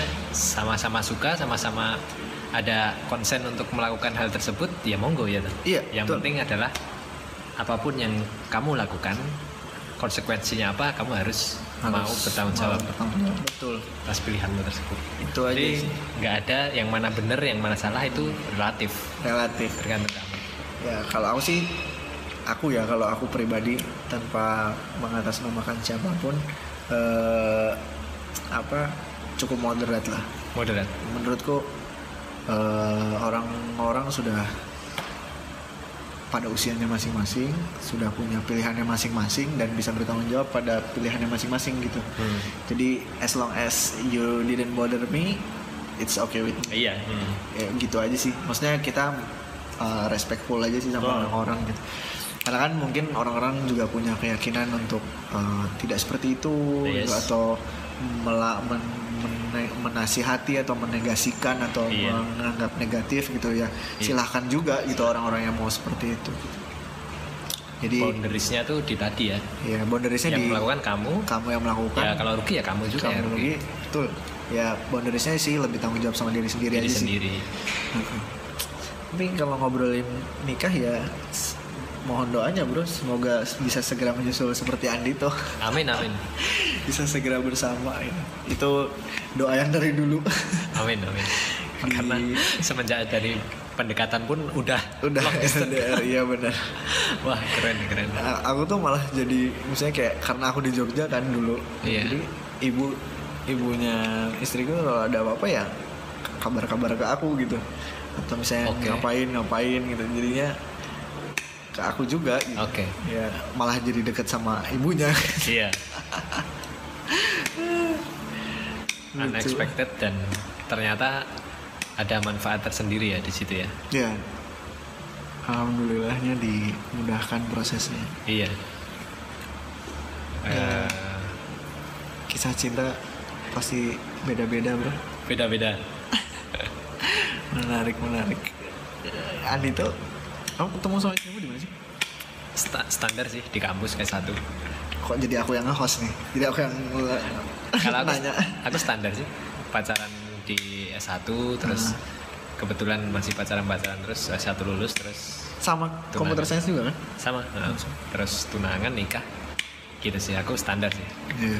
L di long distance belum pernah sih. Kalau ya cuma kemarin tuh. Kemarin setahun Sebelum itu. nikah itu. sebelum nikah. Dan ya ya, udah rezeki banget bro sih. itu bro. Alhamdulillah bro. Alhamdulillah. Segera dipersatukan gitu aku ketika pengumuman istriku keterima tuh wah, aku terharu sih kaget sih coy bener-bener kaget sampai aku rangkulan sama Robi di kamar wah keterima terus rangkulan ngono, seneng banget Robi om melu seneng ngono Heeh. karena kebetulan pada saat angkatannya Uni itu CSIE sedikit banget menerima mahasiswa Oh, pas angkatanmu kan banyak besar-besaran kan besar-besaran. sampai lab Indo kebak kan itu. Ah. Nah pada saat Uni masuk iki lab Indo nggak ada tambahan Ah, malah ke lab lain berarti ini. Cuman tiga orang doang di lab lain gitu jadi oh, kan harusnya oh lab Indo besar-besaran ki adalah peluang di labku gitu ya, Hmm. yang bukan lab Indo waduh lab Indo nggak nerima sama sekali nih jangan-jangan istriku makin nggak keterima nih ternyata malah keterima wah sekarang berarti istrimu di labmu juga? labku aku labku bukan lab Indo yang anak-anak itu bukan Ah, ah, bukan. Tapi selabmu. iya Iya kan? iya Oh. di sebelahku saya komputernya Mantap. Alhamdulillah. Udah produktif sekali itu. alhamdulillah alhamdulillah itu udah rezeki banget bro. Itu rezeki banget rezeki bener. udah gede banget bro itu. setuju setuju Udah mudahan. alhamdulillah Ya saya mohon doain juga ya bro. amin amin Gitu. Ya, tapi nanti lulus oh iso perpanjang iso neng kene ya maksudnya iso golek-golek apa-apa neng kene lah ya Iso. maksudnya kan istrimu ya juga di sini gitu bisa berkarir di sini juga gitu. Oh, dan banget dan misal kita misal ambil point of view takut long distance ya misalnya ya kalau pulang duluan apa gimana akunya kan kebetulan alhamdulillah aku durung lulus gitu bro Nah, jadi yang tadinya gapku dengan istriku itu setahun setahun jadi, jadi set- setengah. Benar Jadi deket. satu semester ya. Itu hikmah bro. Hikmah bener gila sih. Alhamdulillah. Hikmah. ya mestakung bro. Semesta Apa? mendukung. Amin amin asik. Bener itu bro. Nek wes di ketemuin jalan itu ya insya Allah ketemu jalan ya aku juga ngerasanya sama istriku dulu gitu sih. Teman-temanku kan nggak ada yang kenal awalnya. Jadi ya proses awalnya gitu mengenalin dua pihak sama-sama lah aku ketemu teman-temannya dia dia ketemu teman-temanku gitu. Oke. Ya insya Allah kalau udah mendukung mah jodoh nggak ke mana. Wih deh. Neng gini istrimu juga kenal ya sampai labmate-mu ya? Iya sama Fikri sama tem sama Fikri sempat ketemu. Oh. Nah, karena dat- Fikri datang ke tunanganku. Oh gitu. Nah, sempat datang kan belum berangkat kan itu. Mm-mm. terus sama teman-teman labku juga kenal juga gitu oh ya soalnya kan yang paling sering eh, kontak kan sama mereka maksudnya aku sama mereka gitu ha gitu ceritanya cuman kemarin nggak sempet ke NCU sih pas main di sini Oh, Enggak. Cuma di Taipei doang, kami nginep di Taipei doang. oh gitu dah. Nggak ke sini dah. Enggak, enggak, enggak sempet ke sini. Oh, Wis ke udah ke sorean waktu itu terus kita besok paginya pulang jadinya langsung pulang lagi ke Taipei. oke.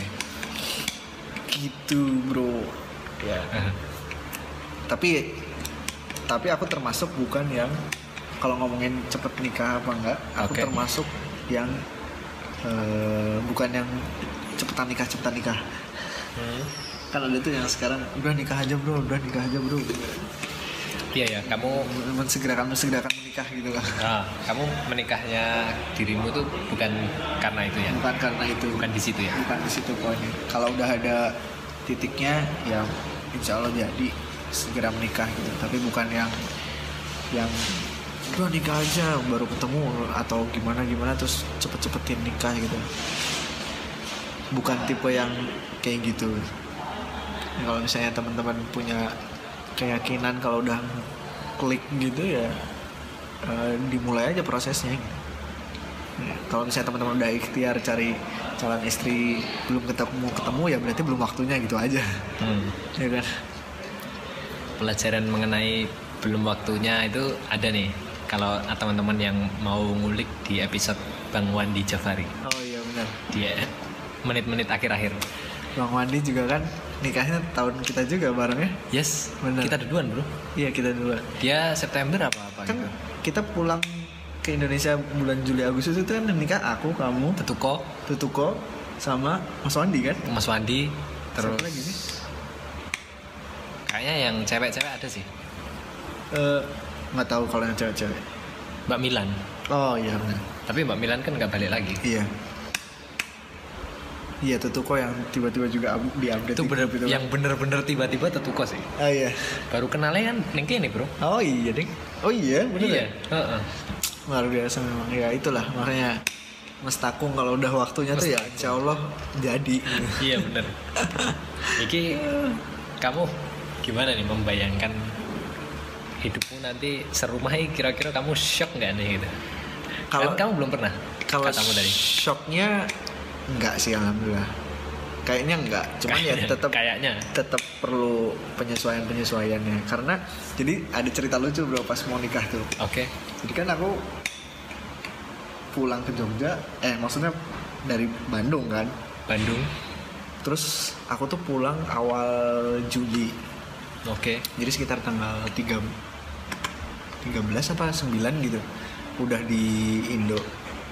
Terus aku nikah tanggal 27 masih tiga minggu kan dua, Ah. sekitar dua minggu setengah gitu Hmm. nah tadinya tuh aku mau cari kos kosan di Jogja buat nginep dan tebak aku akhirnya selama persiapan pernikahan itu aku di mana Di Lensa Jogja. nggak di rumahnya is- istriku Numpang.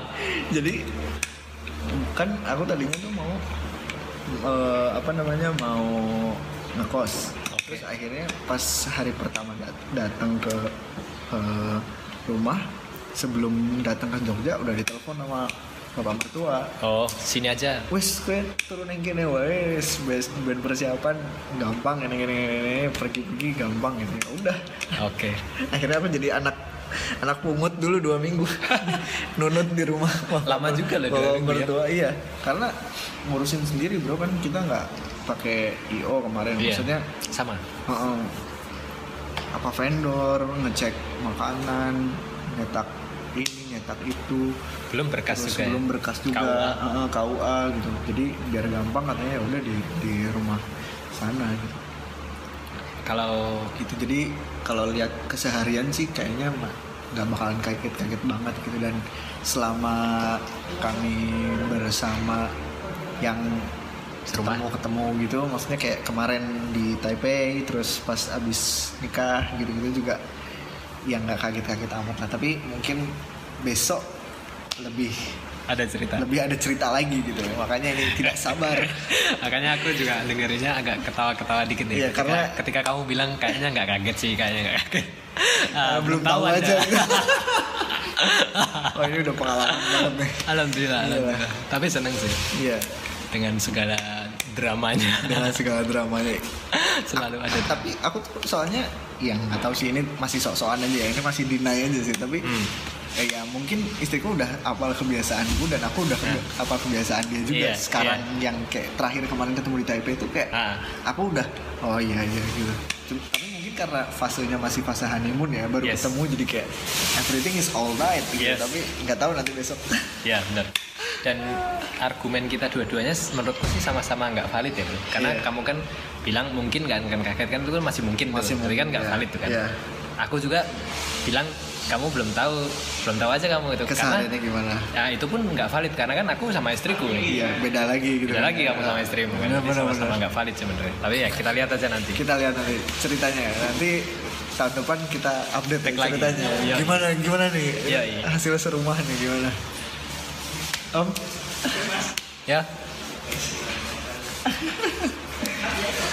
Eh, Oke, Gitu. serumah Nana. Terus tapi pengen banget sih bro kalau curhat tuh ya pengen banget pengen. segera. Tentulah ya kita pasti lebih pengen serumah lah ya daripada Hmm. long distance ya. iya banget kalau besok tuh rencananya kalau aku sih balik lagi ke Jogja Tinggalnya di Jogja. Ya, karena jadi istriku kan dulu kerjanya di Jakarta, terus sekarang lagi handle kantor di Jogja, Oke. kantor arsitek di Jogja. Oh sekarang posisi dia di Jogja. Posisi di Jogja, jadi eh, bakalan balik lagi ke Jogja dan mencari peruntungan di Jogja. Menurutku Jogja itu kota yang sangat nyaman sih ya. Mas. Iya, ya, betah loh rasanya di Iya. Betah, Tenang loh. ya nggak tahu ya kenapa aku 8 tahun bro berarti total di Jogja. Ah. Masuk 2010 sampai akhirnya benar-benar meninggalkan Jogja kan 2018 gitu. Ah, dan ya somehow wes jadi rumah keduaku gitu iya. bahkan aku kalau ke Bandung tuh jadi kayak liburan Oke. soalnya nggak pernah lama aku di Bandung Oke. SMA mu Bandung. SMA Bandung Oke. terus eh, pas kuliah itu Lebih lama di Jogja. le- karena lebih lama di Jogja dan setiap pulang ke Bandung tuh paling cuma dua minggu nggak nggak pernah nyampe sebulan gitu dua minggu bentar balik balik lagi Jogja Lebaran balik lagi Jogja udah gitu jadi malah kayak liburan gitu selama 8 tahun di Jogja tuh liburannya ke Bandung Kalau menurutmu gimana? Kalau menurutku sih Jogja itu salah satu kalimat yang menggambarkan ini nih. Kerja loh. Kerja ki rasane masih humanis gitu. Nah. Terus ketika kita selesai kerja masih banyak quote unquote tempat-tempat untuk kita relax lagi Iya. gitu. untuk kita reset lagi sampai kita hit the point nol lagi untuk kerja lagi gitu. Iya. Menurutku kayak gitu. Iya somehow Jogja gitu sih Eh, masih banyak hal-hal yang bisa dinikmati untuk kewarasan Kewarasan bener. ya, di, di di Jogja gitu ya ya apalagi aku zaman kerja di Lensa Jogja itu ya ada pressure dari kantor tetap ya. Tapi eh, kita masih bisa short escape apa gimana gitu atau cuman lihat kotanya aja udah cukup Refreshing. menenangkan dan refreshing gitu. Ya yang aku temuin itu sih di Jogja karena bikin nyaman. Ya in terms of personal ya in terms of personal gitu. Tapi sekarang juga nggak tahu juga bro sekarang kalau udah lama nggak di Jogja iya, juga iya, iya. ketoe dengar-dengar sih ya ada mulai ketidaknyamanan ketidaknyamanan gitu terutama harga tanah mahal Oh iya. Ya gue indikator sih. iya ya indikator harga tanah mahal sekarang di Jogja ya tapi ya ya kamu kan UN ya kan Aku enak sih. eh UNS Solo. Si, oh, kamu istrimu juga UNS. Yang UNY itu siapa ya? UNY akeh iku Alio. anak-anak NLT iku. Ah, ah, Mas ah. Rio, Si siapa namanya? Cynthia, Dulu ah ya Cynthia juga UNY kan. Siapa jadi nih? Irfan Lutfi. Irfan Lutfi. Hmm, UNY. My best experience ever dalam potong rambut seumur hidupku itu neng Jogja itu. Oh iya tuh? Neng pinggiran jalan itu, neng alun-alun. Oh iya iya iya, tahu tahu tahu. gitu sing Ada yang di bawah cermine. bawah. Oh, bawah beringin beringin gitu. Beringin. Wah, itu the best sih. Aku belum pernah malah bro.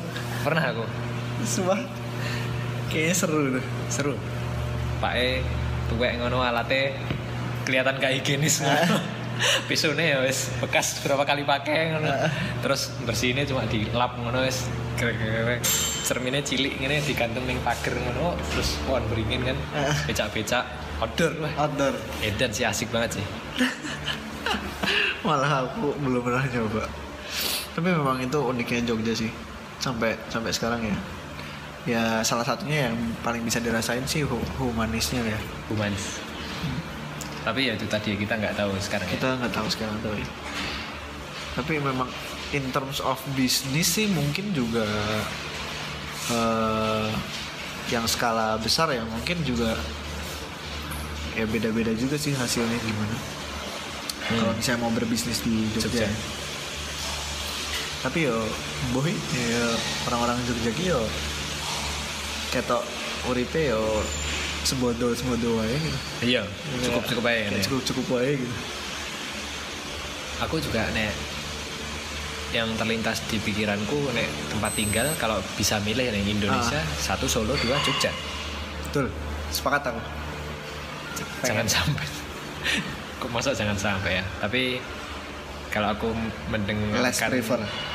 Oh, kalau aku mendengarkan saudara-saudaraku atau melihat secara fisik gimana saudara-saudaraku sekarang yang rumahnya di Jakarta sih?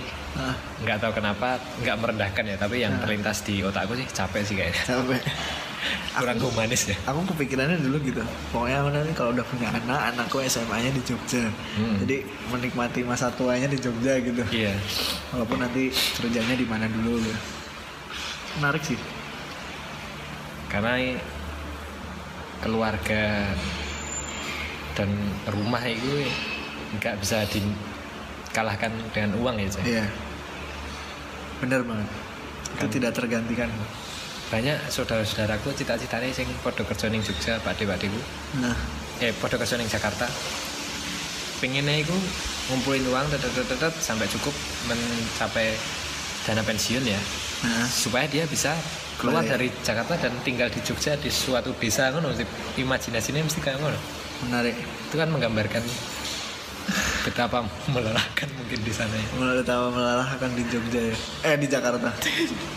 Tapi kadang gini bro aku bisa capek skripsi kan aduh wes lah hukum nang lulus wes mau sekolah meneh. Hmm. ya jadi S2 ojo bro berarti. Berarti aja Jangan, jangan. jangan karma karma. Karena mana mudah-mudahan ada ada rezeki di tempat lain. Ya.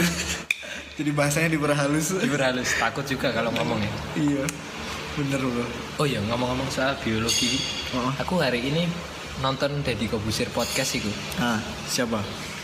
Bintang tamu. Sofian Jalil sih. Tapi ini sing mau tak highlight pembicaraannya. Ah, ah. tanaman itu bisa mendengar kita ya Jay? Kamu belajar nggak? Itu sebenarnya ada di Miracle of Enzyme sama Miracle of Water itu loh Yang Oke. pernah ada dengar cerita air hmm. dari berbagai sumber Hmm. mulai dari yang baik apa maksudnya dari yang air mineral sampai ke air air selokan gitu misalnya katakanlah oke terus di- diberikan per- di- diberikan stimulus suara yang berbeda-beda oke terus udah gitu dibekuin bekuin oke. Nah terus kristalnya katanya yang terbaik adalah yang dengerin yang diperdengarkan suara-suara Al-Quran. Iya. Kayak gitu kayak gitu Iya. nah itu sebenarnya sih menurutku iya. Mungkin yang dimaksud tanaman itu mendengar adalah Nah, lebih ke eh, perlakuan. Hmm.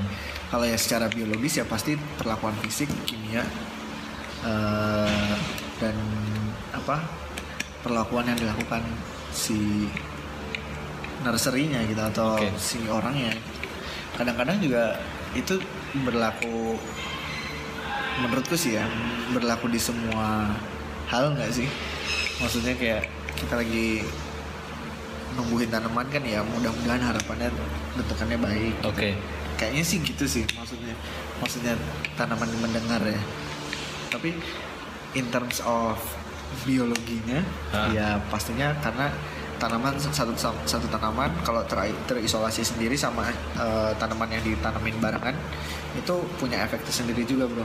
Oke. Pasti ada interaksi kimia rebut makanan atau berbagi makanan gitu-gitu. Hmm. pernah dengar istilah alelopati nggak? Belum. Jadi kalau kalau pernah lihat ada tanaman gede di atasnya eh tanaman gede tinggi gitu misalnya terus di bawahnya ada rumput. Oke. Terus ada rumput yang nggak tumbuh ada rumput yang tumbuh oke nah itu rumput yang tumbuh di situ berarti bisa menguasai daerah situ rumput Menguasai. yang lebih sedikit bisa jadi dia tidak berhasil mendominasi karena ada sesuatu yang dikeluarkan sama si eh, tanaman itu tanaman Oh. atau rumput di sebelahnya berarti ada interaksinya ya? tetap ada interaksinya gitu. lebih kayaknya sih kalau misalnya in terms of biologi eh, ke situ deh tetap Oh. ada interaksi kimia di antara tanaman-tanaman tersebut gitu Oke. Karena kenapa aku nyebutnya tanaman bukan air tadi ya? Ah. Karena kan kalau air kan memang secara riset dibuktikan Ah. bahwa suara itu berpengaruh terhadap struktur air gitu. Nah, Ah. kenapa tanaman ini? Karena enak bro. Neng Spanyol atau ngedimu di, Ah. di, di play ketika podcastnya Denny itu orkestra sebuah orkestra itu dari tanaman dia membuat musik untuk diperdengarkan ke hutan. Karena Oh. hutan itu sedang mengalami kerusakan. Dan itu Ah. diobati dengan cara mereka that orkestra itu main untuk hutannya. Untuk hutannya. Menarik aku baru baru dengar. Tapi kalau misalnya in terms of aku malah taunya ada yang bisa menghasilkan suara. Oh, oke. Jadi eh, kalau langganan Netflix atau Hmm. misalnya cari di eh, streaming online gitu. Coba deh nonton Biohacker judulnya. Oh ini yang kamu ceritain di curhat biologi ya? Ya itu. Ah. di Biohacker itu eh, ada salah satu mahasiswa biologi juga yang dia ngehack tanaman. Oke. Terus kalau misalnya katakanlah bukan kaktus ya apa ya? Lidah buaya. Oke. Terus kalau si lidah buayanya dipencet gini dia ngeluarin suara ngit terus kalau misalnya ada daun di pencet gini terus dia bunyi ting ting ting ting gitu. Ting bunyi ya? Iya. Iya nggak ting banget sih kayak dia ngeluarin suara. Gitu tapi lebih ke ting gitu? Iya lebih ngeluarin suara kayak eh kamu tau piano synthesizer nggak? Yang Oh. suaranya kayak eh, Iya. ngit, ngit, Ya, yang oke. kayak musik disco. Oke oke. Ya semacam EDM itu. gitu ya? Ah, ah. Ah. ya gitu. Jadi kayak suaranya jadi kayak synthesizer gitu. Oh dan itu itu bisa banget dilakuin. Itu oke. udah ya teknik-teknik biologi kayak editing gen apa gimana gimana itu juga udah bisa melakukan ke arah sana gitu. Dan di bio film biohacker itu teknologi-teknologi yang dipakai itu udah rasional dan Iya. itu sudah ada gitu. Ya yang kamu bilang bukan lagi sci-fi ya? Iya bukan lagi sci-fi. Dan itu tuh beneran gitu. Ya literally mereka merubah bit data video 0101 nya oke. Jadi ATGC ATGC DNA jadi DNA oh. Terus mereka bikin liquid DNA nya.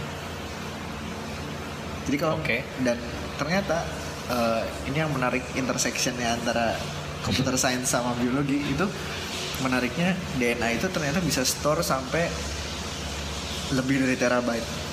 Oh gitu. Misalnya satu sel kecil aja gitu informasinya bisa satu terabyte. Oh jadi kayak gitu. it's a storage ya? Storage-nya bisa bisa DNA itu jadi juga bisa jadi storage gitu. Oh. Dan terus apa namanya? Wih ngeri coy menarik. Beneran, beneran. menarik menarik. Kalau kamu searching-searching gitu itu banyak banget sekarang intersection antara life science sama bidang komputasi sama teknologi gitu-gitu. Makanya kan yang digembar-gemburkan tuh yang ditakut-takutkan kan itu tau yang chip ditanam ke dalam tubuh kita Vaksin. kan yang ditan Ah, chip yang ditanam ke tubuh kita itu jadi Ah. kayak darah kita apa apa terkoneksi dengan itu dan itu kirim data gitu hmm, mungkin ke situ atau kalau atau lanjut yang punyamu itu aja tadi kalau yang tadi yang cerita itu yang ini kan DNA adalah yang storage. DNA ada- adalah storage Ah, gitu. ah. Nah, di di film itu mau menunjukkan bahwa ada company yang mensponsori fi- bikin film itu juga selain Netflix itu eh, penelitiannya memang sudah ada gitu. Kalau DNA bisa storage data dan ukur apa file itu akan bisa tersimpan dalam jangka waktu yang lama selama si DNA-nya ini tidak rusak gitu. Beda. Gitu. Dan jadi apalagi tubuh kita gitu jangankan tubuh kita satu orang aja udah bisa menyimpan datamu itu luar biasa gitu eh, potensinya gitu. kalau misalnya yang masalah chip tadi kalau di film itu sebenarnya juga ada nunjukin masalah chip-chipan Oh. tapi chipnya lebih ke ngeblack ngeblack tangan sendiri terus chipnya dimasukin cuman gitu doang tapi eh, yang dimaksud tadi eh, data darah itu nggak di dalam tubuh tapi sekarang udah ada chipnya namanya eh, bukan bukan chip ya lebih kayak eh, storage data yang larinya ke precision medicine medicine Oh oke oke. Ah, ah, data. Anu ya obat yang hanya bekerja di yang paling tepat untuk orang, ah, orang secara itu. spesifik ya. Ah, ah. itu Aku pernah dengar juga itu precision medicine itu. itu ada hubungannya sama komputer science juga kan tapi kalau misalnya darahnya langsung ngalirin terus si chipnya ngirim data aku belum tahu, Nggak tahu ya? tapi kayaknya sih teknologinya belum belum ada maksudnya kalau misalnya directly ya directly gitu yang ada adalah metode record data. Metode record data kita ke pusat data. Kayaknya sih gitu. Tapi aku belum tahu kalau yang chip langsung gitu. Canggih juga chipnya bisa langsung kirim data. Gak tahu ya bener apa enggak. nah, Dan at the end dari percakapan itu. mengenai ini tuh kita mikirnya terus jadi kayak yang pernah kamu tanyain di curhat biologi ya. nah, Ini semua kan adalah teknologinya ya. Sekarang tuh sudah segini.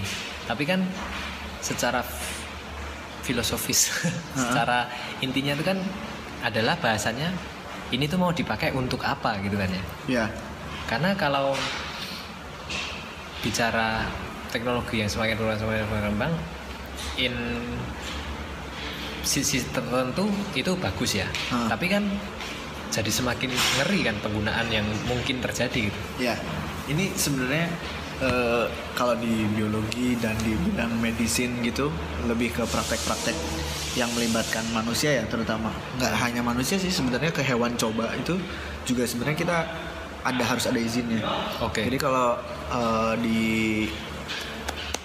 penelitian medis itu ada namanya ethical clearance, Ah, ya kan? Eh, sama consent. konsen, Eh, inform buat konsen. inform consent buat ya kayak kamu lah. Ah. Mau kemarin penelitian kan waktu Iya. aku jadi Iya. eh, responden kan aku harus ngisi dulu. Iya, Ah. saya secara sadar mengikuti Iya. bla bla bla gitu. Ya sama di ethical clearance-nya gitu. Dan eh, di bidang di bio- di UGM kalau nggak salah di kedokteran UGM punya mas magister bidang bioetik Oke. dan dia memang berfokus ke ngurusin Etika. penelitian etika gitu. Ada Eh, bidang sendiri. Ada ya? bidang sendiri. Master sendiri. Eh, karena eh, kalau misalnya kita mau ngomongin eh, masalah perkembangan teknologi ya. Jadi kalau Andito pernah cobain nanti nonton si biohacker itu ada satu kalimat yang sangat-sangat menantang. Jadi salah satu profesornya itu bilang gini, eh, we tend to be a creator. Terus ada yang nanya, how about God? Hmm. Terus si profesornya itu cewek bilang, we will be the God. Ada yang bilang gitu. Ada yang bilang gitu. Dan karena memang kenapa dia bisa menimbulkan ke situ ini nggak ngomongin tentang kepercayaan ya. Hmm. Kenapa dia bisa ngomong kayak gitu? Karena memang da- dasarnya sekarang Hmm. sudah ada teknologi yang bisa banget menghasilkan manusia-manusia super. Maksudku manusia-manusia super adalah manusia-manusia yang Direkayasa. direkayasa dan sudah kalimatnya menghapuskan cacat bahkan sebelum lahir gitu Oh.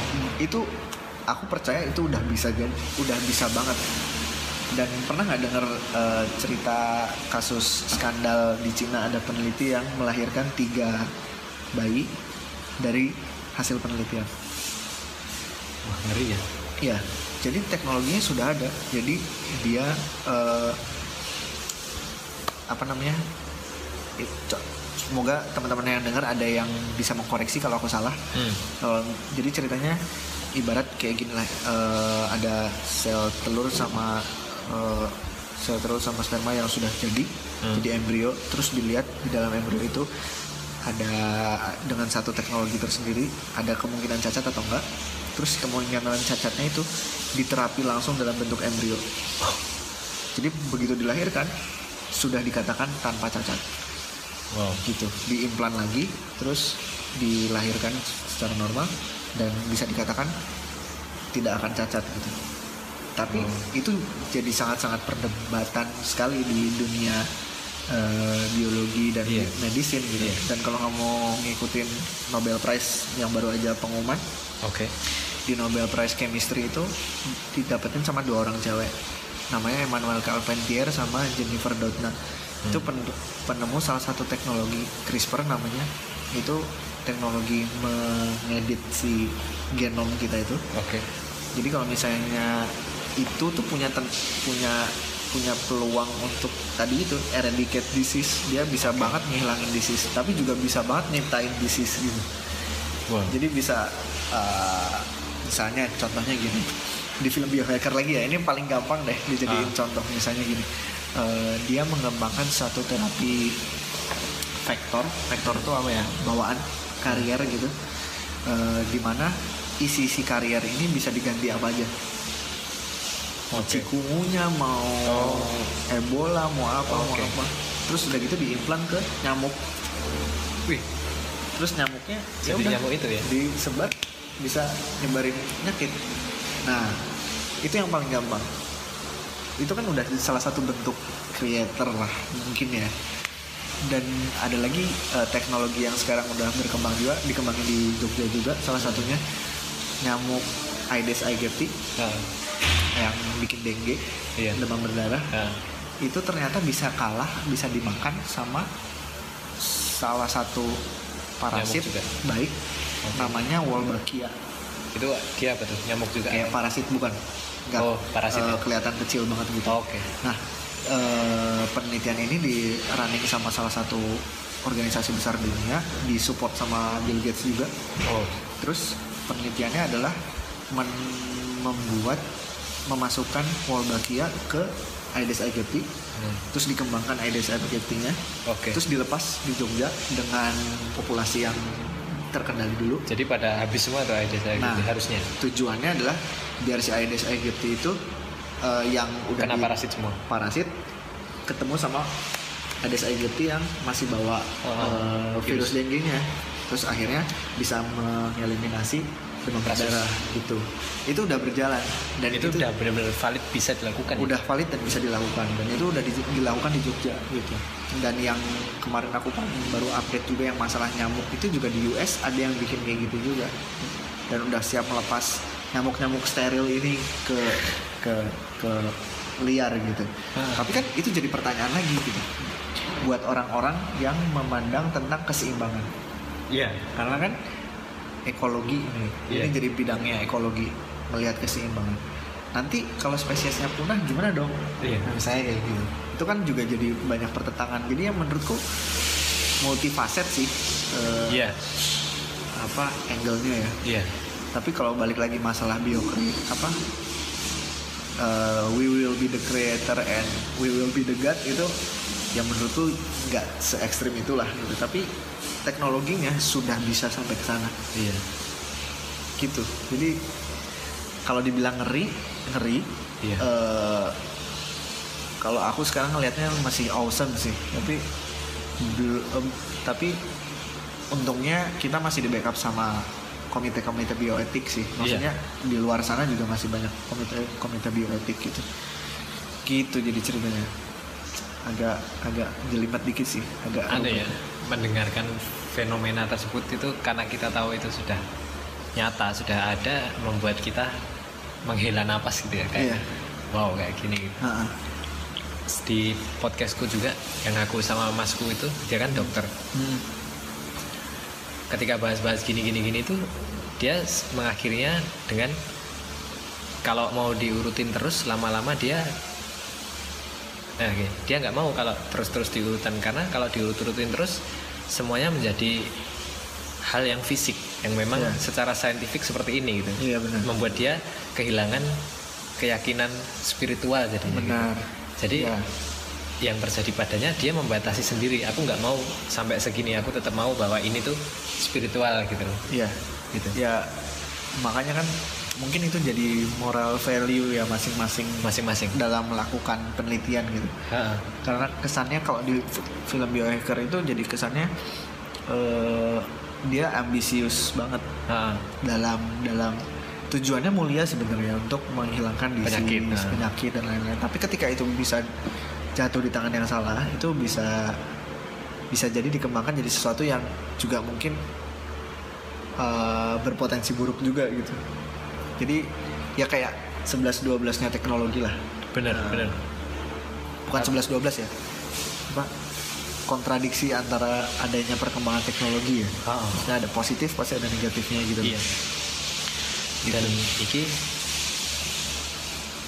menurutku memang kita ditakdirkan untuk nggak tahu jawabannya yang bener kudune kayak piye menurutku kita memang Iya. tidak di- ditakdirkan untuk nggak tahu gitu Iya. karena kan dhisik awal penciptaannya manusia itu kan diceritakannya ngene iki Gusti Allah ini meh aku meh membuat manusia Ah, terus malaikat langsung ngomong Wah, manu kok bikin manusia ngapain? Manusia akan menyebabkan pertumpahan betul, darah betul, di betul, dunia itu. betul.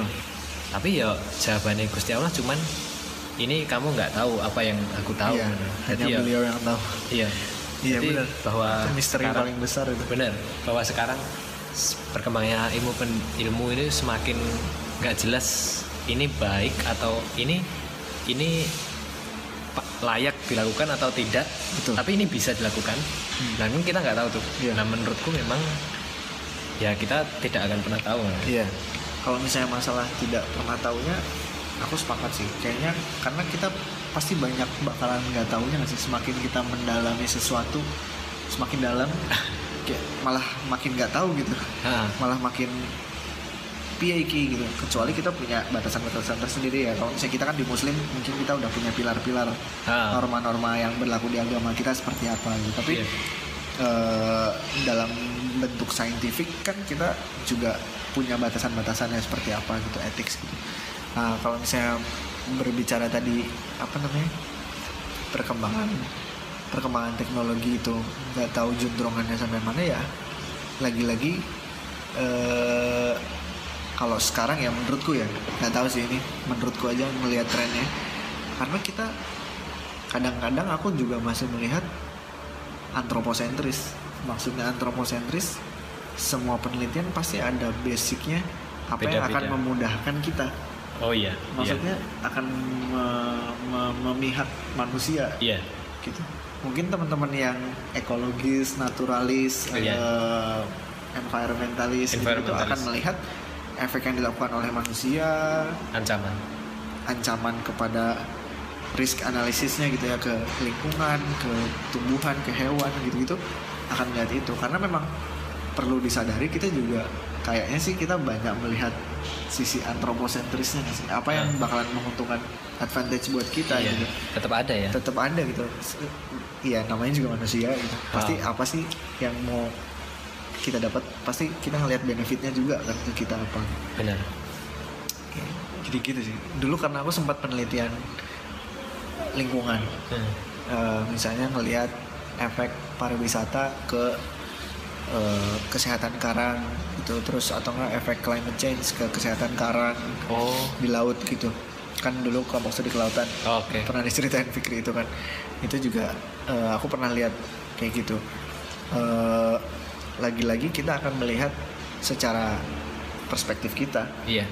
mungkin kita kurang lupa melihat perspektif selain perspektif manusia ya gitu apa yang menguntungkan bagi manusia tapi ya tadi balik lagi ke yang kamu ngomongin juga ya sepakat sih masalah apa namanya Apa poin dari semua ini? Gitu? apa poin dari semua ini juga kita nggak bakalan ada yang tahu Iya. Iya sampai sampai di mana pun nanti penemuan ada gitu ya penemuan apa pun ya di bidang apa pun gitu Sampai aku aku ngeri nih kayak gini gitu. Kan it's been very melelahkan gitu untuk hidup dan belajar dan mengamalkan ilmu kita ya. ah. Kan tuh quote unquote sangat melelahkan gitu ya. And then someday kita akan meninggal. Terus kalau yang kita yakini kita akan di alam selanjutnya gitu ya. betul. Nah terus gimana ya? Ya ngeri lah pokoknya. Iya. Kalau diruntut-runtut apa yang akan terjadi apa yang akan terjadi gitu loh ah. Nah, kan beda, beda lagi nih antara kita yang kita sama-sama manusia yang pasti, menurutku pasti akan meninggal ya. betul Kita dan ambillah orang yang meyakini keyakinan lain atau orang yang ateis. Ah, gitu benar. Kita mengalami hal yang sama yaitu meninggal ini. pasti meninggal And then kita sih meyakini akan ini yang terjadi gitu. Ah. Kalau dia dia gimana gitu. iya punya keyakinan yang lain ya Nah, gitu. Iya. Itu disambungkan dengan betapa kita belajar sampai mengembangkan ilmu Mati-matian, sebesar ini gitu. Iya tapi menarik bro. Ini jadinya filosofi sekali. Ya karena ya tergantung peruntukannya sih sekarang. Maksudnya karena ya tadi kalau aku coba tarik garis benang merahnya ya. Mungkin kita karena ya kita kita punya udah kita punya pandangan, kita punya value yang kita gunakan dalam kita belajar. Oke. dan dalam belajar itu pun kita uh, punya rambu-rambunya kan kayak kita punya guidance-nya selama belajar itu kayak gimana. Dan itu sih yang menurutku akan membantu kita untuk uh, membatasi ya mungkin memberikan batasan gitu tapi dalam dalam apa yang kita lakukan dan kita studikan kan kita belajar gitu tapi kalau kembali ke masalah nanti ujungnya seperti apa setelah kita nggak ada ya kita juga nggak tahu bro Iya. itu pasti bakalan jadi pertanyaan besar banget gitu Iya. ya mudah-mudahannya ilmu yang kita lakukan bisa jadi amal yang bisa diteruskan dan menghasilkan gitu Iya. Iya nggak sih Iya. mungkin mungkin ya kan cuma ada tiga itu kan eh, anak yang soleh ilmu yang Iya. bermanfaat sama sodako jariah gitu kan Iya. ya mungkin kita kalau yang di muslim kan bisa punya itu lah Iya. yang pegangannya itu ilmu yang diamalkan bisa moga-moga bisa membantu kita di akhirat kelak Iya. buat yang muslim yang aku miss terlintas di pikiran itu kan itu kalau kita kan belajar berkarya dan sebagainya guidance-nya kan itu gitu. Jadi akan berbeda dengan orang yang guidance-nya berbeda dengan kita gitu. Jadi Iya benar. sama-sama belajarnya tapi ketika tiba di sebuah kejadian dia harus memutuskan A atau B berdasarkan ilmunya dia. Heeh. orang yang guidance-nya ini dengan orang yang tidak berguidance itu kan jadi beda keputusannya tuh. Ah, iya. dan dan maksudnya preferensi pilihannya ya. Ah, ah, dan nggak ada yang salah atau nggak ada yang benar. Karena kan menurut kami misalnya benar menurut dia yang benar juga itu gitu ya. Terus yang aku wondering tuh gini nih gimana yang terjadi dengan orang yang let's say dia lahir di sebuah negara yang memang mayoritas ateis gitu. Ah, so dia nggak pernah dalam hidupnya dia nggak pernah tersentuh oleh referensi sebutlah Islam. Ah. and then dia meninggal. Lalu nah dia nih jadi orang yang salah atau orang yang benar nih? Oh. Karena gimana mau dibilang salah? Karena dia nggak pernah denger juga gitu benar.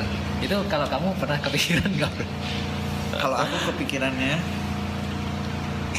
yang pertama yang perlu kita syukuri adalah kita lahir dan besar di keluarga yang muslim. Boleh. Katakanlah ya sekarang ya. Misalnya Andito sama aku muslim. Nah, Eh, teman-teman yang lain juga yang berkeyakinan lain juga eh, pasti punya preferensinya masing-masing. Tapi yang aku kepikiran adalah eh, pasti sesuatu diciptakan ada alasannya. Benar. Begitu pula keberagaman kita. Benar. Begitu pula istilah ateis tadi. Benar. Jadi eh, aku sih melihatnya. melihatnya itu sebagai hal yang di luar jangkauan kita. oke memang nggak nggak perlu kita tahu jawabannya ya. Jadi ya buatku malah itu malah ketika kita bertanya seperti itu justru menurutku ya justru jadi bagus. Karena kita ada kesadaran menuju ke sana. Nah, Dengan adanya kesadaran menuju ke sana, at least kita ada eh, bentuk wisdom, wisdom, wisdom. Lebih wise dalam menanggapi sesuatu gitu. dalam melihat sesuatu ya Iya, karena katakanlah gini, eh, kita pasti punya teman dari mana pun, Hmm. dari sudut yang bisa kita bilang orang kanan atau orang kiri Nah, atau orang mana pun gitu Iya.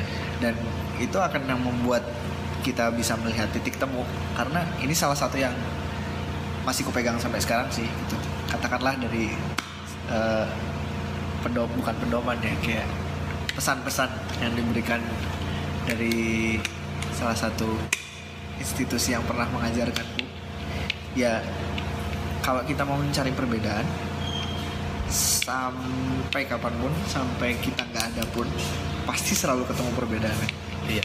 tapi yang sulit adalah bagaimana kita membangun titik temu di antara perbedaan itu Titik temu itu tadi. ya. titik temu itu Termasuk titik temumu dan istrimu tadi ya. ya gitu Oke, beda. Ini beda banget nih terus. Oh, Beda di banget sini. nih ya apa sih yang bisa kita temuin gitu maksudnya adalah kita punya teman agnostik lah ateis lah eh, ber- berbeda keyakinan dengan kita dalam menuntut ilmu dan lain-lain setidaknya dengan adanya pemikiran tadi kayak Andito tadi Ah. walaupun tadi aku bilangnya menurutku itu di luar jangkauan kita dan kita tidak bisa mem- membahasnya atau Ah. kita tidak tahu jawabannya karena mungkin itu di luar dimensi kita gitu Iya, maksudnya iya. pemikiran kita mungkin nggak bakal nyampe ke sana Iya, gitu. tapi at least dengan adanya pemikiran itu kita jadi bisa bersikap lebih bijak bagaimana sih menemukan titik temu tadi Nah, apa yang bisa kita lakukan apa yang tidak bisa kita lakukan benar. apa yang bisa kita share apa yang tidak bisa kita share apa yang bisa kita lakukan buat dia dan dia lakukan buat kita Benar. selama ada mutual respect di situ misalnya ya kayak le- lebih ke situ sih gitu. tapi kalau misalnya dibilang eh, masalah beruntung atau tidak beruntung ya akan jadi relatif juga gitu. Relatif, relatif. Iya kan? Makanya ketika kamu bilang, ya kita berawal, awalnya kita beruntung bisa dengan keluarga muslim. Jawabanku Ah, boleh, boleh, bukan Iya. iya gitu. bukan bu- Nah, iya makanya Boleh aja. Kayak. makanya tadi kan aku bilangin jadinya dengan kita taunya jawaban tadi yang mungkin tidak terjawab Ah. kita jadi punya kebijaksanaan dalam diri kita untuk menghadapi perbedaan tersebut gitu. Iya. karena ngapain sih diributin gitu sekarang Iya. misalnya kayak kesannya kayak gitulah gitu. Iya. jadi ibaratnya apa ya kalau kata Gus Dur eh wah gitu aja kok diributin gitu. Iya, iya. mereka aja udah selesai dengan perdebatan itu masa kita mau debatin lagi gitu Ah, misalnya kayak ah. gitu ya ibarat ibarat Gus Durian pernah bilang kayak gitu lah Ah, ya aku sih termasuk yang eh, kalau bisa moderat kenapa tidak gitu. Iya, at least eh, prinsip kita tidak terinjak. Iya, dan kita tidak menginjak prinsip orang. Iya. kita bisa menemukan titik temunya apa sih. Kalau ngomongin titik temu jadinya berat bro. Karena Iya. konteks Indonesiaan ini berat sekali uh. Iya. Iya kan, maksudnya kayak di Indonesia gitu 2014 kita pecah, 2019 pecah lagi, dukung siapa, dukung siapa gitu ya. Ini obrolannya jadi berpindah ke sana ya, maksudnya pindah jadi ke ngomongin ke titik temu gitu. Karena susah-susah juga membangun membangun titik temu. Kalau misalnya kita mau cari perbedaan nggak bakalan habis-habis gitu. Setuju. Ya gitu. Jadinya mengeluarkan apa yang saya pikirkan dulu. Iya. Kalau untukmu gimana? Kalau untukku sih cukup refreshing ya meng- mengutarakan dan mendiskusikan sesuatu yang ada dalam dalam pikiranku gitu. ya. Iya bro, karena cerita itu juga salah satu bentuk Hiburan, terapi. terapi. Terapi juga. Mungkin ada yang terapinya nulis mungkin kan? Yes. Oke. Jam setengah sebelas. Setengah sebelas. Tidak terasa. Tidak terasa kita ngobrolnya ternyata 3 jam 17 Tiga jam tujuh belas ya Allah. Padahal Alhamdulillah. kita jam 7 lebih ya tadi. Iya tadi Padahal masih sore. Padahal bilangnya nggak tahu mau ngomongin apa. Iya.